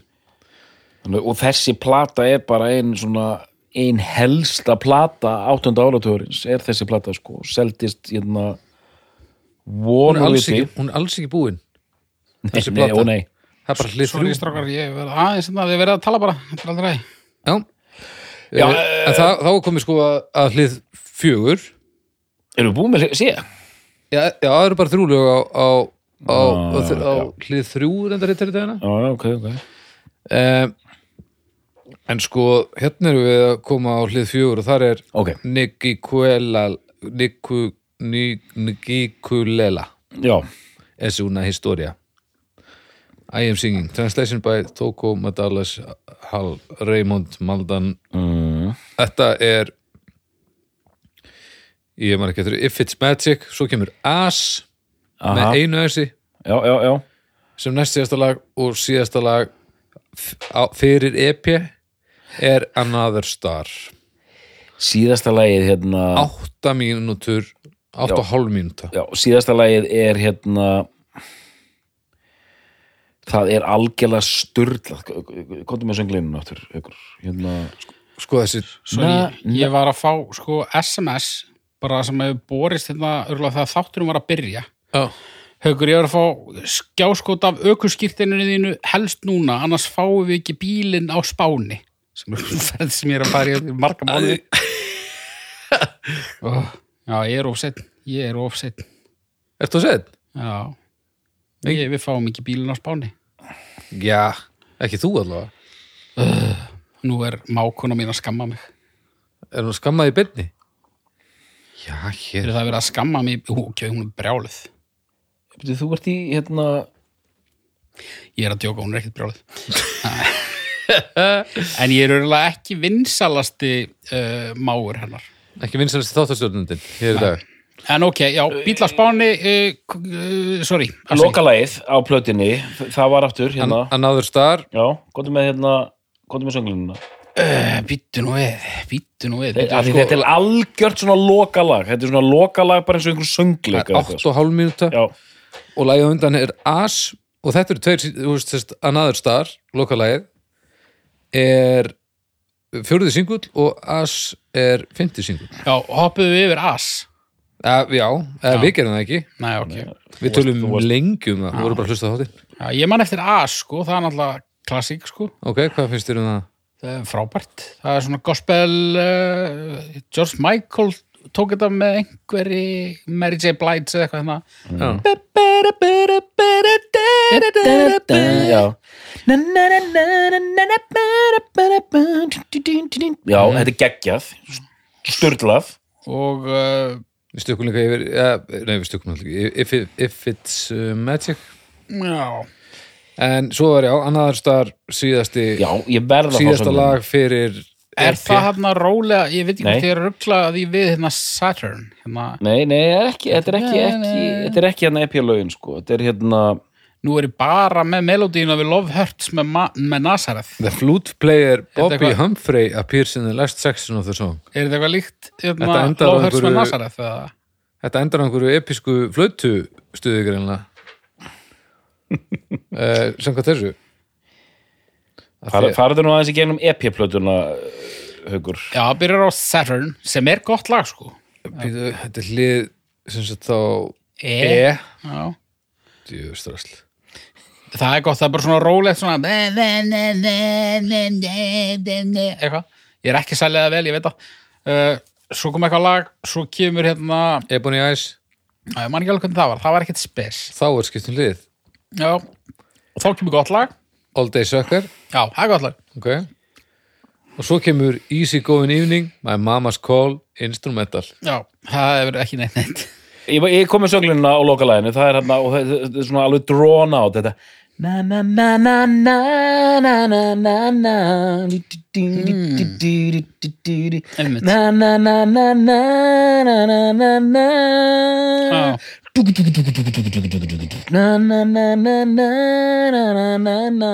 Já, það er ekki lagið sem ég var að hugsa En já, geggjaf, geggja lokalag á plötunni, geggjaf og sko þessi fjagralaga aukaplata er algjör aukaplata, þetta er svona um, patsi, já veist, Óþarfi. ég, ég hefði alveg hent uh, Saturn og All Day Sucker inn á blötuna og hent einhverjum Mm. tveimur öðrum út sko, allan daginn en, en þú veist, jú, þetta er plata þetta eru við slúum segja þetta eru þetta eru þrjár helviti góðar hliðar af fimm mm. og hina tvær eru ekki í hundavesla sko Nei. en eh, ástæða fyrir því að ég endaði þarna var bara einfallega þú veist þó að það séu mörg lög bara auðvitað, það eru ofbúslega mörg lög á þessari plötu Mhm. sem að eru kannski Finnst þér? ekki jafn góð þá er hlutfallið þarna eiginlega jafn gott ef ekki betra sko. við erum með svo ofbúslega mörg góð lög þarna Þú talar eins og þetta eiga st- sé betra Nei bara, þú veist, af því að þetta getur verið í, í alvörunni alveg 1000% solid slagaraplata sem enginn ætti sens í já, já en staðan er búið að dreifa Sú plata væri líka besta plata Steve Wonder hún er Og væri- betri en þessi Já, hún væri það já, En þessi plata, þrátt fyrir að vera svona þrútin já, þá finnst mér hún vera það sko Við erum með sko, við erum með tvær skotheldar hliðar mm. eina mjög solid eina meh og eina vafa sama Þú veist, ég veit það ekki ég, en sko mér finnst, það sem mér finnst sko er einmitt um, sko Innovations og og Talking Book eru frábæra plötur það eru frábærar, þetta er þessar einföldu frábæra plötur en það er líka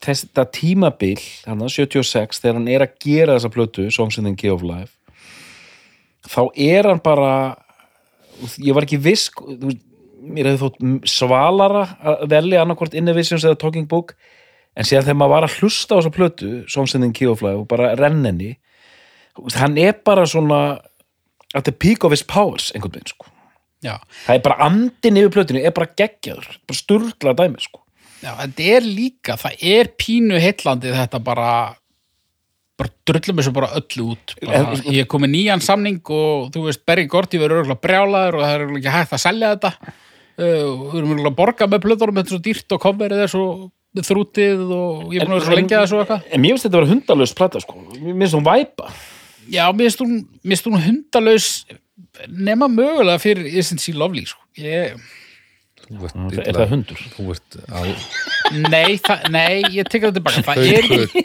það er ekki hundur það ekki er, bara, vera með svona stæla það er bara svo glatað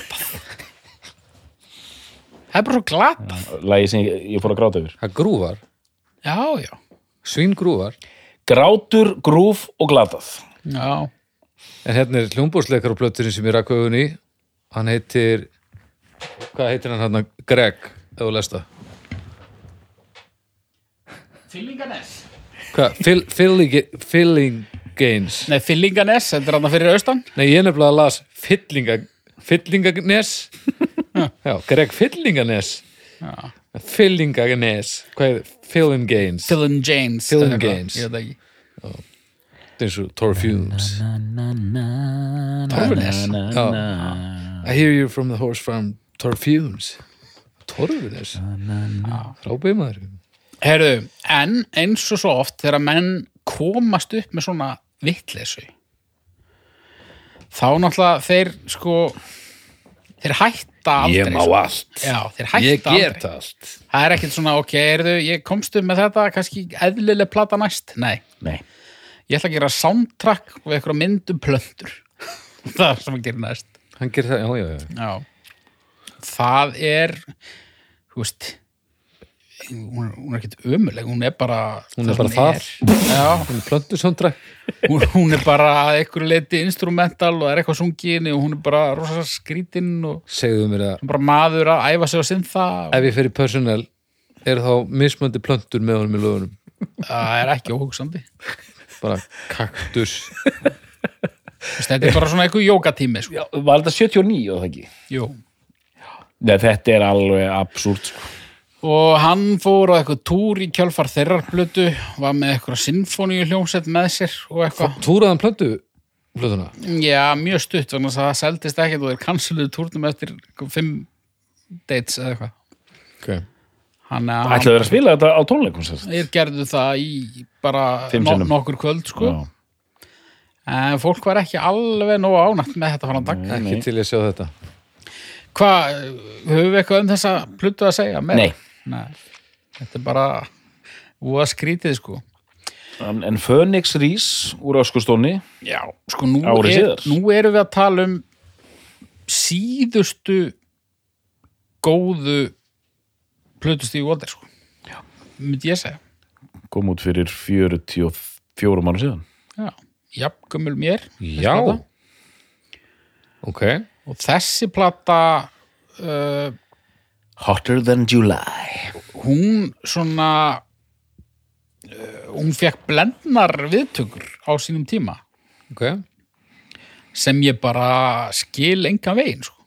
hún verðist vera það er er hún búið- að- það er búið að leiðrétta það ha, ég allavega allir dómar sem ég sé hérna inn á Viki ég, ég veit ekki hvort þetta séu samtíma dómar ná, nei, hún hefur bara verið að fá fína dóma hjá sem hvort það sé svona vera að skoða málið aftur eitthvað, ég veit það ekki já, Þetta, þetta er góð plata. já, en er það ekki rétt hún var svona pínu þótti pínu lettan Já, ég man ekki, man ekki sko. Hún, sko, hún er ég, ég var eiginlega að hlusta á hana bara í fyrsta skipti núna. Hún er góð, bara hún er tröst. Það er hann að lag eh, Martin Luther King lag Happy birthday to you Happy birthday to you Happy birthday happy. og en hann er að aðeins að hérna bregðast við tímunum það eru svona lög sem þetta er til dæmis eitt lag sem er eiginlega hálgert svona country sko já, en svo Kenny Rogers sem mættur hérna sæði sko hvað heitir áttu fyrsta lagi á þessari plötu? e, fyrsta lagi, það er hryllilega gott það er rillilega gott lagið já, það heitir Did I Hear You Say You Love Me já, það er gott lag Þetta, hljó- þessi titill er eins og öll bítlalögin í einu já, það er bara ég svo kemur hann að hvað ég heitir það? einhvers staðar. hvað heitir það, All Too Well eða eitthvað, All I do All I Do Já. sem að ég, ég var að senda doktornum djöfitt klæja mig á baki alveg, eins og alveg ómögulegur hérna. klæðir á bakkir hvað er, akkur þetta er svo nú er Haukur farinn að já, hann er næri Hann er- hérna skó hot, já, þetta er læti núna líður honum vel teiknimyndabjörnin náði skóhotnið og er núna klós þetta er þá ég að klippa þetta út það. þetta er eitthvað svo nei, nei þetta, þetta er eins og rópina sannan daginn sko. þú voru að ganga frá Greg? skóhotninu síðan ha, þú voru að ganga frá skóhotninu síðan og ekki já, ég- hann má býða já, ég sendi doktornum skilabói þú gerð getur og ekki haldið áfram eins og ekkert væri. lýsti því Við yfir verðum að þetta aðeins- veru lélugustu bakrættir sem ég hefði nokkuð tíma rætt í All I Do Já, ég veit ekki, hvað er í gangi með þetta lag? Eh, Frábært lag, og svo bara, heyrðu, ég ætla að fá bara hérna eitthvað, eitthvað, eitthvað lassaróna af götunni, bara til að syngja bara eitthvað svona, þetta er bara falskt. Já, býtu, en hver er, hver, hver er að syngja? Ég veit það ekki, einhverjir, Background vocals, er þetta, er þetta Watts og Bridges? þetta er örgulega einhver, eitthvað fagfólk, sko. Þetta er bara, mögulega bara mjög slæm listræn ákvörðu. Nei, það eru miljón mann setna í, í bakgrunns einhverju Já. ah, En svo er náttúrulega svona lægið hvað mér varðar á þessari plötu. Það er uh, Master Blaster. Og það er nú, það er nú gott, lag- gott lag. Master Blaster, Já. já, hvernig er það? Það er, uh, kannast við lægið Búkolla. Já, Það er þannig. já, já, já, já, já. Þetta er bara það Já, bara svona, þetta er bara svona búkollu regi. Já, já, Djöfull er það gott. sko, það eru alveg fimm singlar af þessar blötu, sko Já. Hverjir eru singlandir? eh, Við erum með búkollu í fyrsta Okay. svo I ain't gonna stand for it Já. svo Lately Býtu leitli, hvernig var- var það aftur? Það er eitthvað... eh, Lately er næst síðasta lagið og undan Happy Birthday Okay. og Happy Birthday er fyrir singull og svo Did I hear you say you love me, yeah Já, fyrsta lagi Já. Já, Bílalagið já. E- Þetta er góð plata sko en hún er ekki, hún er ekki mestraverk kannski en, en bara, já Nei, en uh, mér sýnist á öllu að svona kritik sem ég sé hérna, ég veit, er þetta ekkert síðan hvernig hún er, en, en það verðist vera svona frekar uh, Já, jú, fólk var svona almennt frekar jákvætt held ég bara En erum við svo bara konur í glúsan eða? geggjað plötugáfur Já, flott uh, Svo soundtrack bara fjórum árum síðar Já uh, Rauðuklæta konan Já, Já, glussin, glussin var alveg meir og minna, sko. Þetta, þetta er, ég vil fá að segja, ansi dramatísk bara skipti. Ég vil bara segja það. Já, Kallt mat. en það líður náttúrulega heldur langur tími þarna, sko. hérna kemur I just called to say I love you Sko, einmitt, hérna, já, veit, það er soundtrackið einmitt, Woman in Red. Þetta lag, ég bara held að þetta hafi verið mest spilaðasta lag á Íslandi í 80-sinu, sko. Ef þú, Þetta sko, var endalust. ef þú skoðar Wikipedia singles discography eins og maður gerir stundum og maður sér svona US, eitthvað R&B Já. bla bla bla, UK Australia, öll löndin skilur það er bara þrýr 14, strik ble, eitthvað mm. og hjá Steve Wonder er þetta svona þú kemur á þetta lag einn í A- hérna. öllum Argentina 2 svo kemur ansi gott ráð, hérna ráðun af einum Ástralja, Austuríki, Belgia Kanada, Einmitt. Kanada Danmörk, Einn. Evrópa Finnland, Frakland, Grekland svo kemur annar tvistur Ísland Heyrðu, þú ert að skoða eitthvað annað en ég var að skoða vegna þess að ég var að skoða þetta í dag og þar var bara einn, einn, einn, einn bara þvert yfir alla Svo línum bara Írland 1, Er þú, að, Ísrael sk- 2 ert þú að skoða plötuna? Nei Ég sko að lagi bara, Já, held ég áhugavert sko. Já, og þetta lag 35 í Japan, en svo bara eitt út um allt mm sko Þetta er náttúrulega sko Já, já, já, já Ég sé núna munin sko út af því að, já, þú ert í færslunni fyrir lagið Mhm. Ég var að skoða þetta hérna í Stevie Wonder singles disco discography mm, Það er kannski ekki allt þar en þar er mitt þegar ég var komin hana Já, þá er bara sko þá lítur þetta svona út það er rosa mikið á ásum Þú er ég að skrolla Það er sín okkur þetta bara Já, þá lítur þetta svona út Það er bara lína af einnum bara straight flush Það var almenn, það var stemmari Það var stemmari, stemmar fyrir þessu lagi ekki, Mhm. ekki að eilífu samt og Nei, þetta nei. lag er náttúrulega svona kannski að þykir lumma í dag Já, já, en fólk var líka að fíla textan Já, bara ég, erðu, ég ringdi bara til að segja þér að ég elska þig og fólk var að elska þetta sko mamma elskaði þetta, fannst þetta svo fallegt Já, Mm. ég elska þetta. Bara, Þetta er allt, ein allt af- saman indislegt Þetta er eina af fyrstu blöðurum sem ég eignaðist sko og ég á inntækjum mitt ennþá. Ég bara, mér gafst ekki tíma til að leita því. Nei, er, er, er soundtracki sem sagt Sántrekki sko.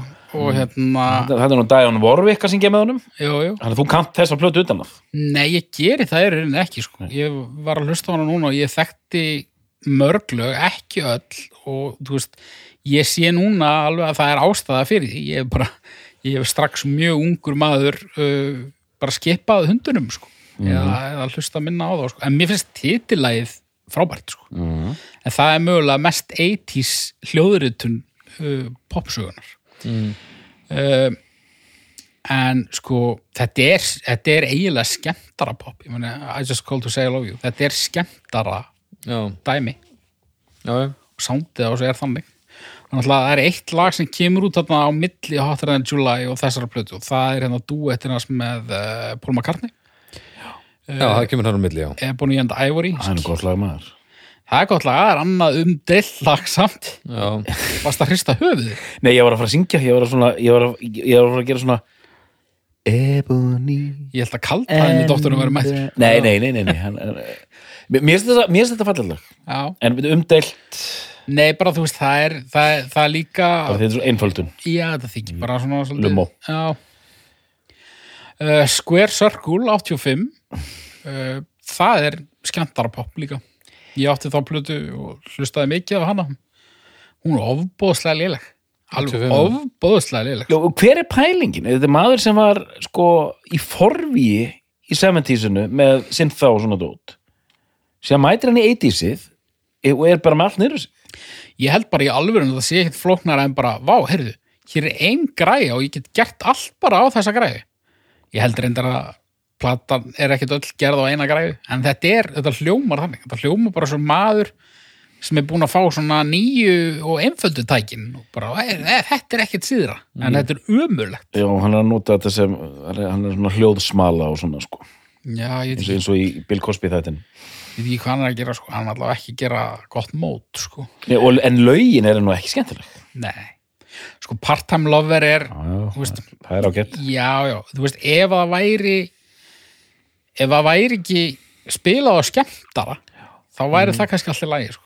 ég, man- ég var 11 ára því ég heyrði part-time lover Ég held alltaf að þetta væri party-time lover Já, Ekki part-time lover ég... villingurinn sem þú varst Party-time lover sko ég á minningu að mér fimm ára gömlum uh, að hlusta á þetta lag og svo sagði mamma mér að ég þyrfti að fara í tónlistaskólan við löpum í tónlistaskólan sem að var uh, í KR heimilinu Ok. það sem að ég mætti og spilaði á sílofón í klukkutíma og ég man að mér leittist og ég hlakkaði svo til að fara aftur heim að hlusta á part-time lover Mm. Æ,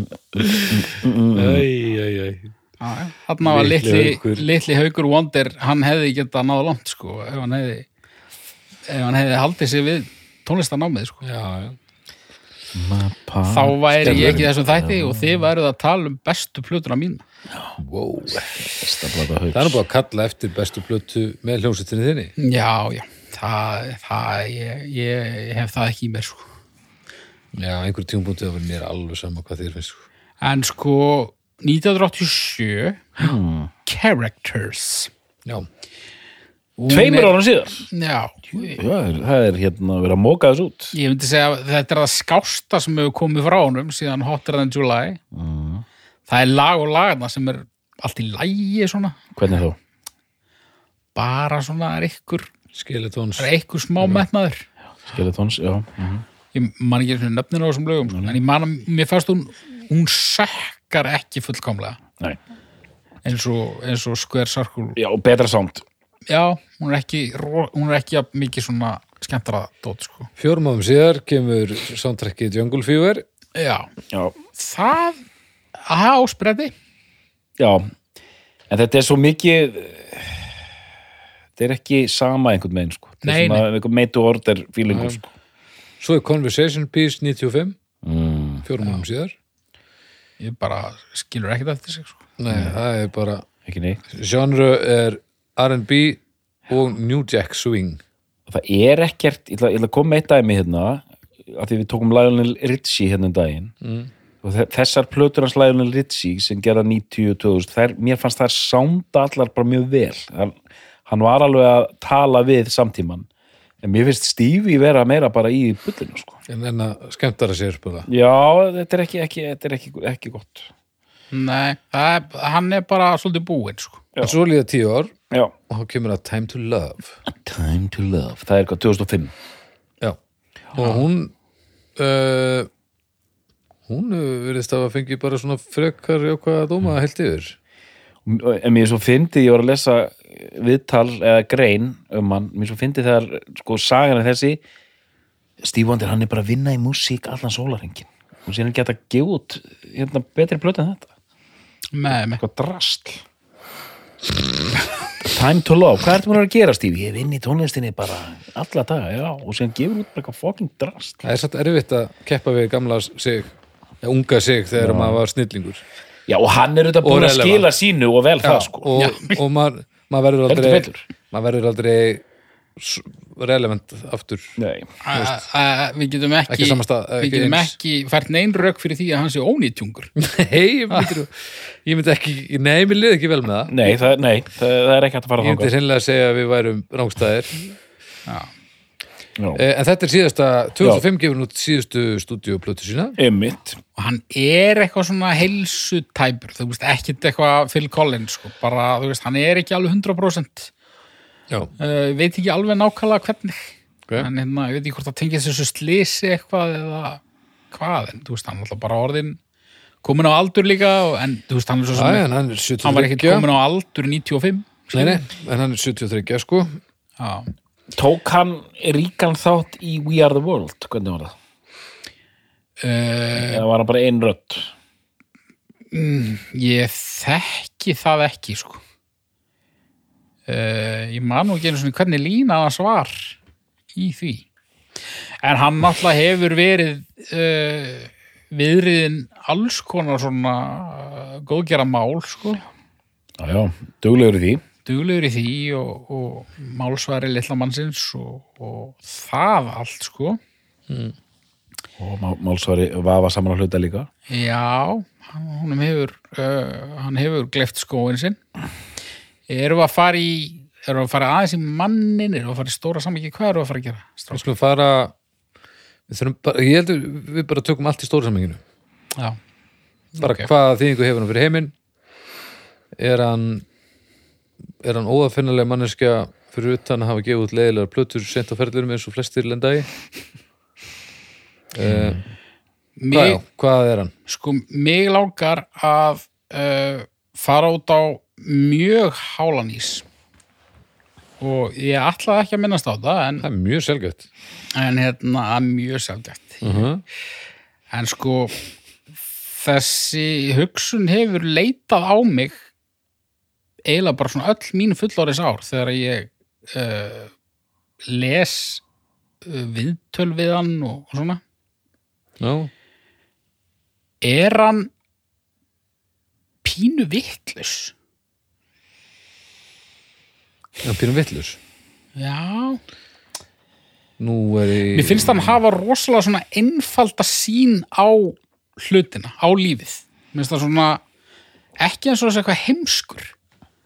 En hann er, þú veist, í, ö, nú er vonandi, nú er vonandi ekki allir brjálaðir, sko, en þú veist, ég, ég hef svona afskrifað þetta sem, þú veist, þetta, þetta ofbóðslega trúar uppeldi og þú veist, Já. hann er náttúrulega ennþá í því, sko.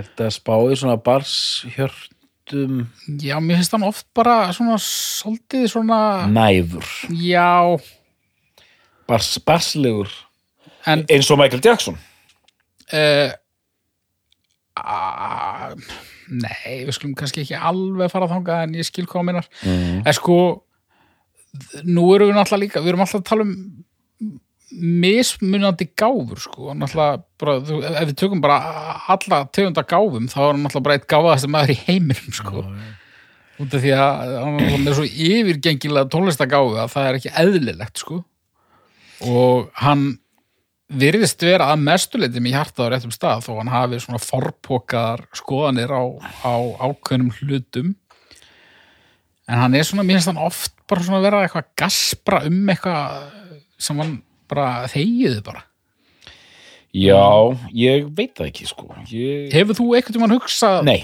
þetta? Nei, ok. Aldrei um, En einmitt, en hann hefur ekkert verið hann leggur einhverjum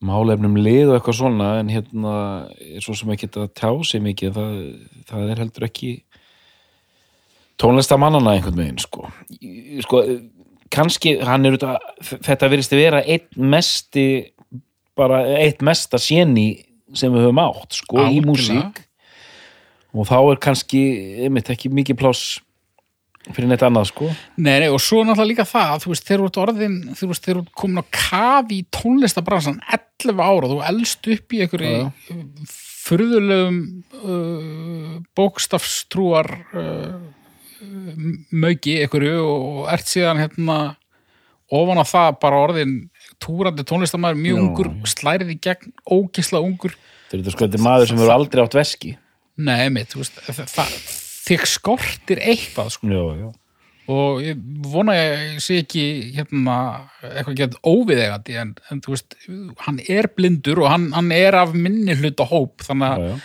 þannig að maður er svona kannski aðeins að ragari við að koma með eitthvað svona kjaftaði Mhm. sko en mér finnst það pínu stundum svona ég veit það ekki ég, ég, ég er bara stundum farið í fílu út í hann sko Ég horf ekki nógu mikið á viðtölu við fólk eða neitt, ég veit ekkert hvernig hann er sko.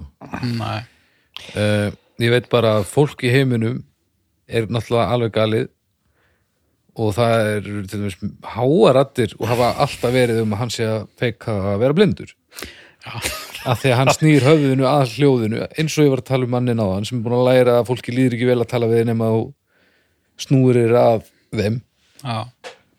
Það er allir handvissir um að hann sem búin að feika feika að vera blindur bara í 70 ár og bara fjölskyldan hans öll með honum bara í 60 ár bara en bara svona einhver komment svona bara já, samkynneir, þú veist, ég, ég, ég elska alla en þú veist, eru þeir ekki bara svolítið ringlaðir bara, þú veist, eh, þú veist Já, já. eitthvað svona Já, já en hann er náttúrulega líka gammal maður Bill Cosby, já, bara guð blessi Bill Cosby, já, ég vona bara honum líði vel Þú veist, Aha. já, þú veist, æ slepptu þessu bara, Já, þetta er, þetta er ekki það maður verið betra þegar Þetta er betra þegar en þú veist, aldrei neitt svona, þú veist, hann er aldrei eitthvað svona aldrei, aldrei eitthvað svona nasti eða eitthvað það ekki gegnum gangandi hálfvitaskapur Nei, sem, mér- sem sömur tónlistamenn eru, eru með orð á sér sko. Þú ert að saka Stífi Vondur um einfældningshátt ég er að saka hann um svona að þú veist, já, ég er bara gutt í gæi bara, þú veist, að ég ég- bara, þú veist, ég, ég er ekki, þú veist mér er ekkert á móti samkynniðin, þú veist, ég er ekki bara eitthvað rugglast, já, já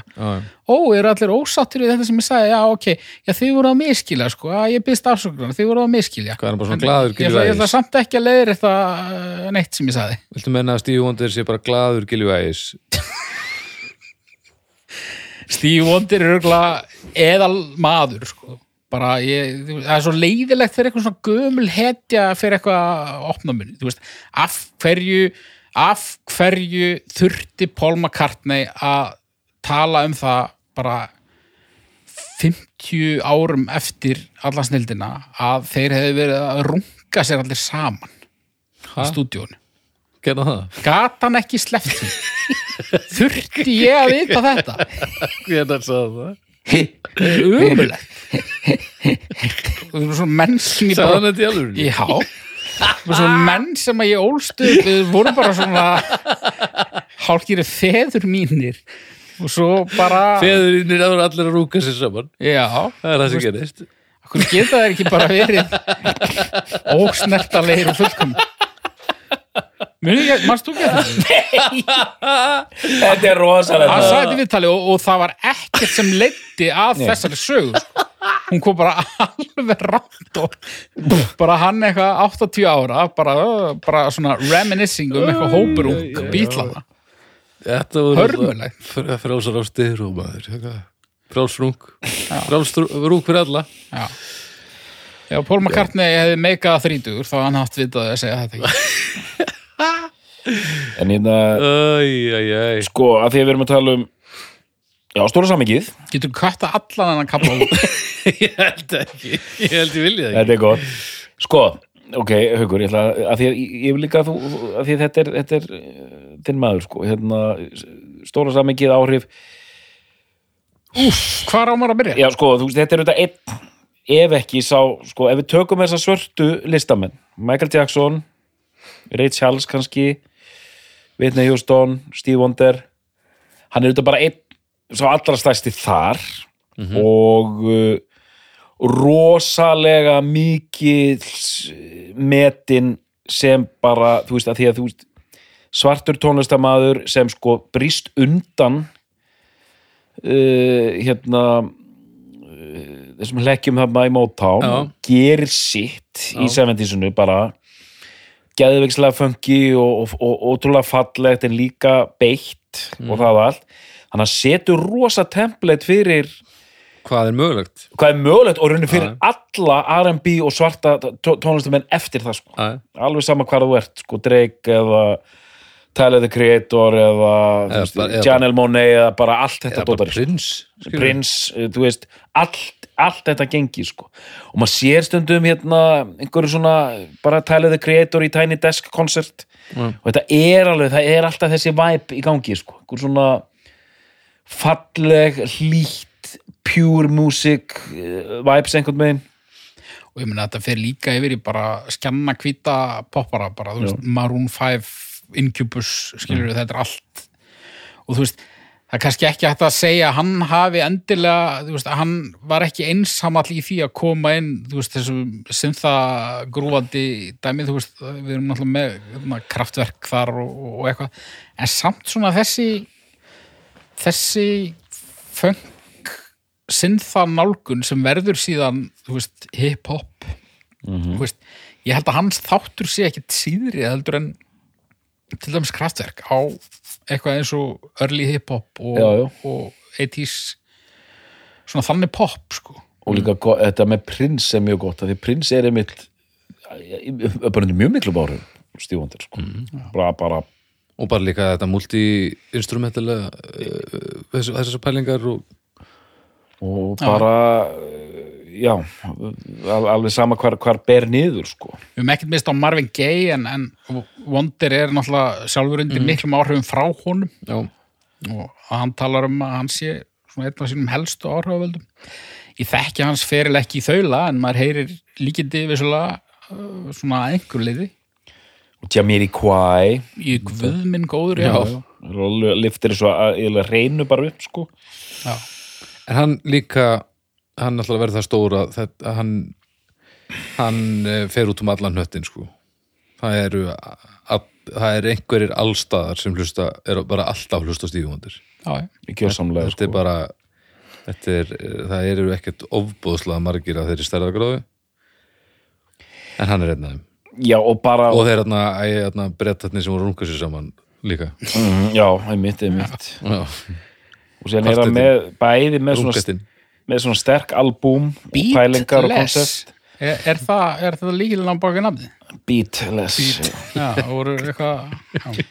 að hann er bæði með endalösa, sko hann er bæði með frístandandi smetli alveg bara í hrönnum en líka með svona flott albúm mm. albúmaður sko en merkilegt að sjá sko mjög skrýtnar plötur hann í 60s fáranlega plötur í 80s og 90s og áfram en það er bara þetta 70s dæmi þar sem hann neglir þetta inn sko Og bara Já, og bara, þú veist, ég var, ég var eitthvað aðeins að reyna að myndast við að lesa eitthvað svona, svona Black Power áhrif hans sko sem eru auðvitað bara í gegnum þessi lög, þessi textan er bara að fjalla beint um þetta, Já. Living in the City og Black Man, Já, sem er bara mjög direkt um þetta sko og bara að því það er oft verið að hvetja sko, hann gerir þetta og er með í fyrsta skipti kannski þar sem svartu tónlistamæður er með svona rosalegt plattform sko og þetta er 70-sið og það er að koma það er mikil hitti, þú veist Black Panthers og þessar Black Exploitation myndir, Shaft og allt þetta dótar í sko mm. þú veist það er bara stuð og hann er alveg bara í, í miðun á þessu sko en svo er eitt líka að, þú veist, ef við erum að taka allan þennan geira þú veist, það er alltaf eitthvað svona greitt, það er alltaf eitthvað svona smá svona svona, þú veist Marvin Gaye og alls svo sorgarsaga og það, þetta, er, þetta er svona þetta er oft harmsögur og það er svona Já, Nina Simone og... já og, og bara þetta blaxploitation tenging við ofbeldi og alls konar svona en Samkúr hann er svo mikill svona hann, hann er bara eitthvað flanders gaur sko hann er svo skver Já, Stífi já hann er bara baptista kórdrengurinn ennþá sko hann er aldrei þú veist, ég held að hann hafi aldrei dópað eða þú veist, ég held að hann hafi alltaf verið bara hann er svona nörd held ég sko Já, sem bara lúði já, hann er lúði sko já, og berst ekki sko sexy lúði á, á, á hérna með resma sigurfletinum Já, en en já, hvað sér Nei, nei, ég er bara sko, og berst ekki er, sem sagt, er ekki mikið að sanga sér einhverjum listaverkum og svona er hann að er svona veraldlega munum hann hann er með íbúð, hann á hús í Detroit Mm. íbúð í New York og einhverja íbúð í LA eða eitthvað eins og, eins og allt þetta lið hann hafa ljóð þar umsamt Já, eitthvað hljóðfærum líka, já, það er aðalmáli stúdíu hans í LA heitir auðvitað Wonderland hann að og svo var hann ógeðslega mikið að um ljótum peysum hann er alveg hérna það er, þetta er sko fata stílinn hans sérstaklega á tímabili sko, eh, þú veist a- a- hann tók náttúrulega tímabili þar sem hann var bara svona eitthvað svona mótán í jakkafötum sko Já, já. svo í 70-snu var hann stundum töff en oft bara einhverjum mussum og einhverju furðu einhverjum furðu fötum 80s þá dettin ljótu peysunar og bara sko að það myndin aftan á square circle þar sem hann er, í, hann er í peysu sem er eiginlega bara svona svo er eiginlega bara svona svo uppsópað hár á eitthvað svona rakkarstóð Já. það er peysan Okay. og hann er eitthvað shit eitthvað glottandi aftan á með svona hendurnar svona, þú veist, eins og hann sé að halda svona Ólefur Tvista byggði um meira Okay. með eitthvað svona lauf ég man, þú veist, ég átti þessa plötu og ég hlustaði mikið á þessa plötu, mér er svo flott mynd, sko hann var flottri peysu, aldrei sé svona peysu og flott lauf, aldrei sé svona lauf þetta var svona útland, útlanda lauf sko. svo sá, sá ég þessa mynd núna þetta er fáránleg mynd allar myndirnar á hann frá stíma eru fáránlegar og ég veit ekki hvort það tengist í eitthvað þú veist, hann hefur náttúrulega aldrei séð þessa myndir þú veist. er, er, en er eitthvað lag af þessar plötu sem það þykir væntum að því að þú hlustaði svo mikið á hana mér þykir auðvitað alveg vænt um þessi lög mörg sko, en þetta er ekki gott þetta er ekki gott nei, mér finnst Woman in Red titilaði frábært sko. en mér finnst ekki annað frábært lag á þeirra, þeirra plötu sko. er Woman in Red lagi líka á Square Circle nei, þar er st- stóri singullin, þar er Part Time Part-Time Lover. Lover. og stóri singullin á Woman in Red er náttúrulega hérna, Uh, I Just Called en opnunarlagið, það er svona sviðbala og mannstu eftir 80s orgiunni þarna fyrsta læginu á Can't Slow Down með Lionel Richie, það sem að bara allt 80sið er já, Hérna. já, ég veit að pakka þinn Já, þetta er svona svipað lag sko. svona, alla græðina sko. en hérna, já Hmm. Ég, ég var bara í gærkvöldi bara lengi að skoða eitthvað svona prómómyndir af stífumyndir síðan 80s og það eru allar fáralar Við þurfum að, við þurfum að dundra ykkur inn á- já, eða þetta verður að fara inn í taka hópinn. saman Já, best, ég geri bestu peysunar það. Já, og f- fá einhvern svona topp top tíu lista af lögum og, to- og botn tíu lista af peysum já, það væri mjög gott ég er til í það Herri, um, já. uppgjör doktor, við byrjum á þér Heyrðu, já, ég var einmitt að veltaði fyrir mér ef ég tala bara um bestu plötuna um, hvort þetta er í Talking Book eða hvort ég myndi enda á Innovations sem mér, mér þykir eiginlega vænst um en síðan fer ég bara í þetta ferðalag og er að hlusta á músíkina og bara eins og ég hef greint frá hérna mm. Songs in the Key of Life er besta plata stíðundir en eitt bólavalið um, en líka bara gaman að tala um stíðundir og, og pæla í þessu manni sko. þetta er einna bara þessum risum mús, músíkurar og mjög wow. mjög bara vel þegið að geta spjallað hans um hann hér, takk fyrir mig Haukur?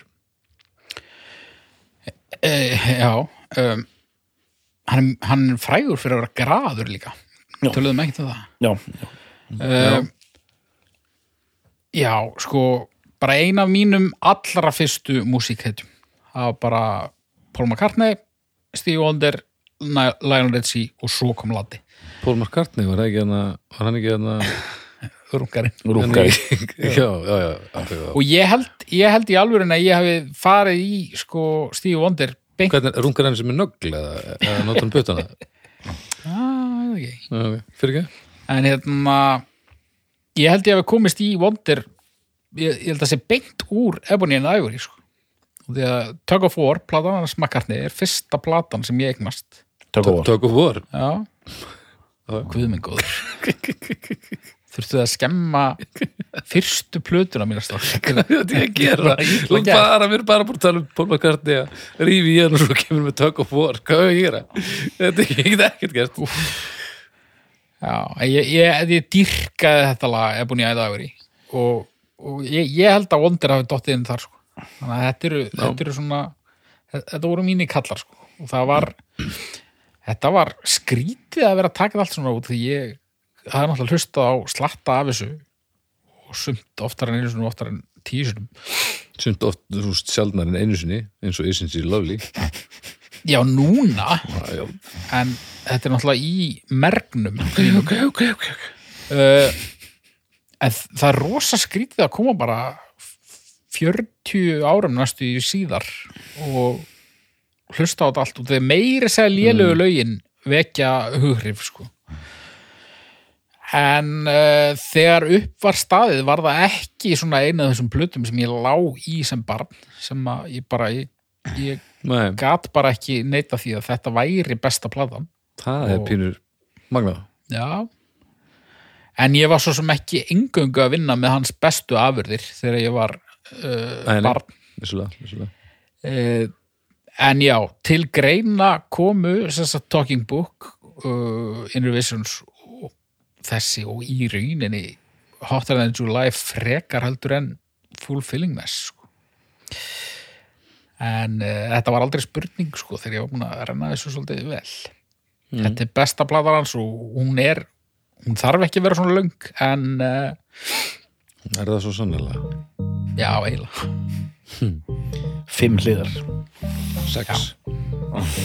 Já. Nei, átta Allavega Haukur, er þetta besta plata Stevie Wonder? Já, Doktor, er þetta besta plata Stevie Wonder? Já. Við þakkum fyrir í dag og við heyrumst að veikuleginni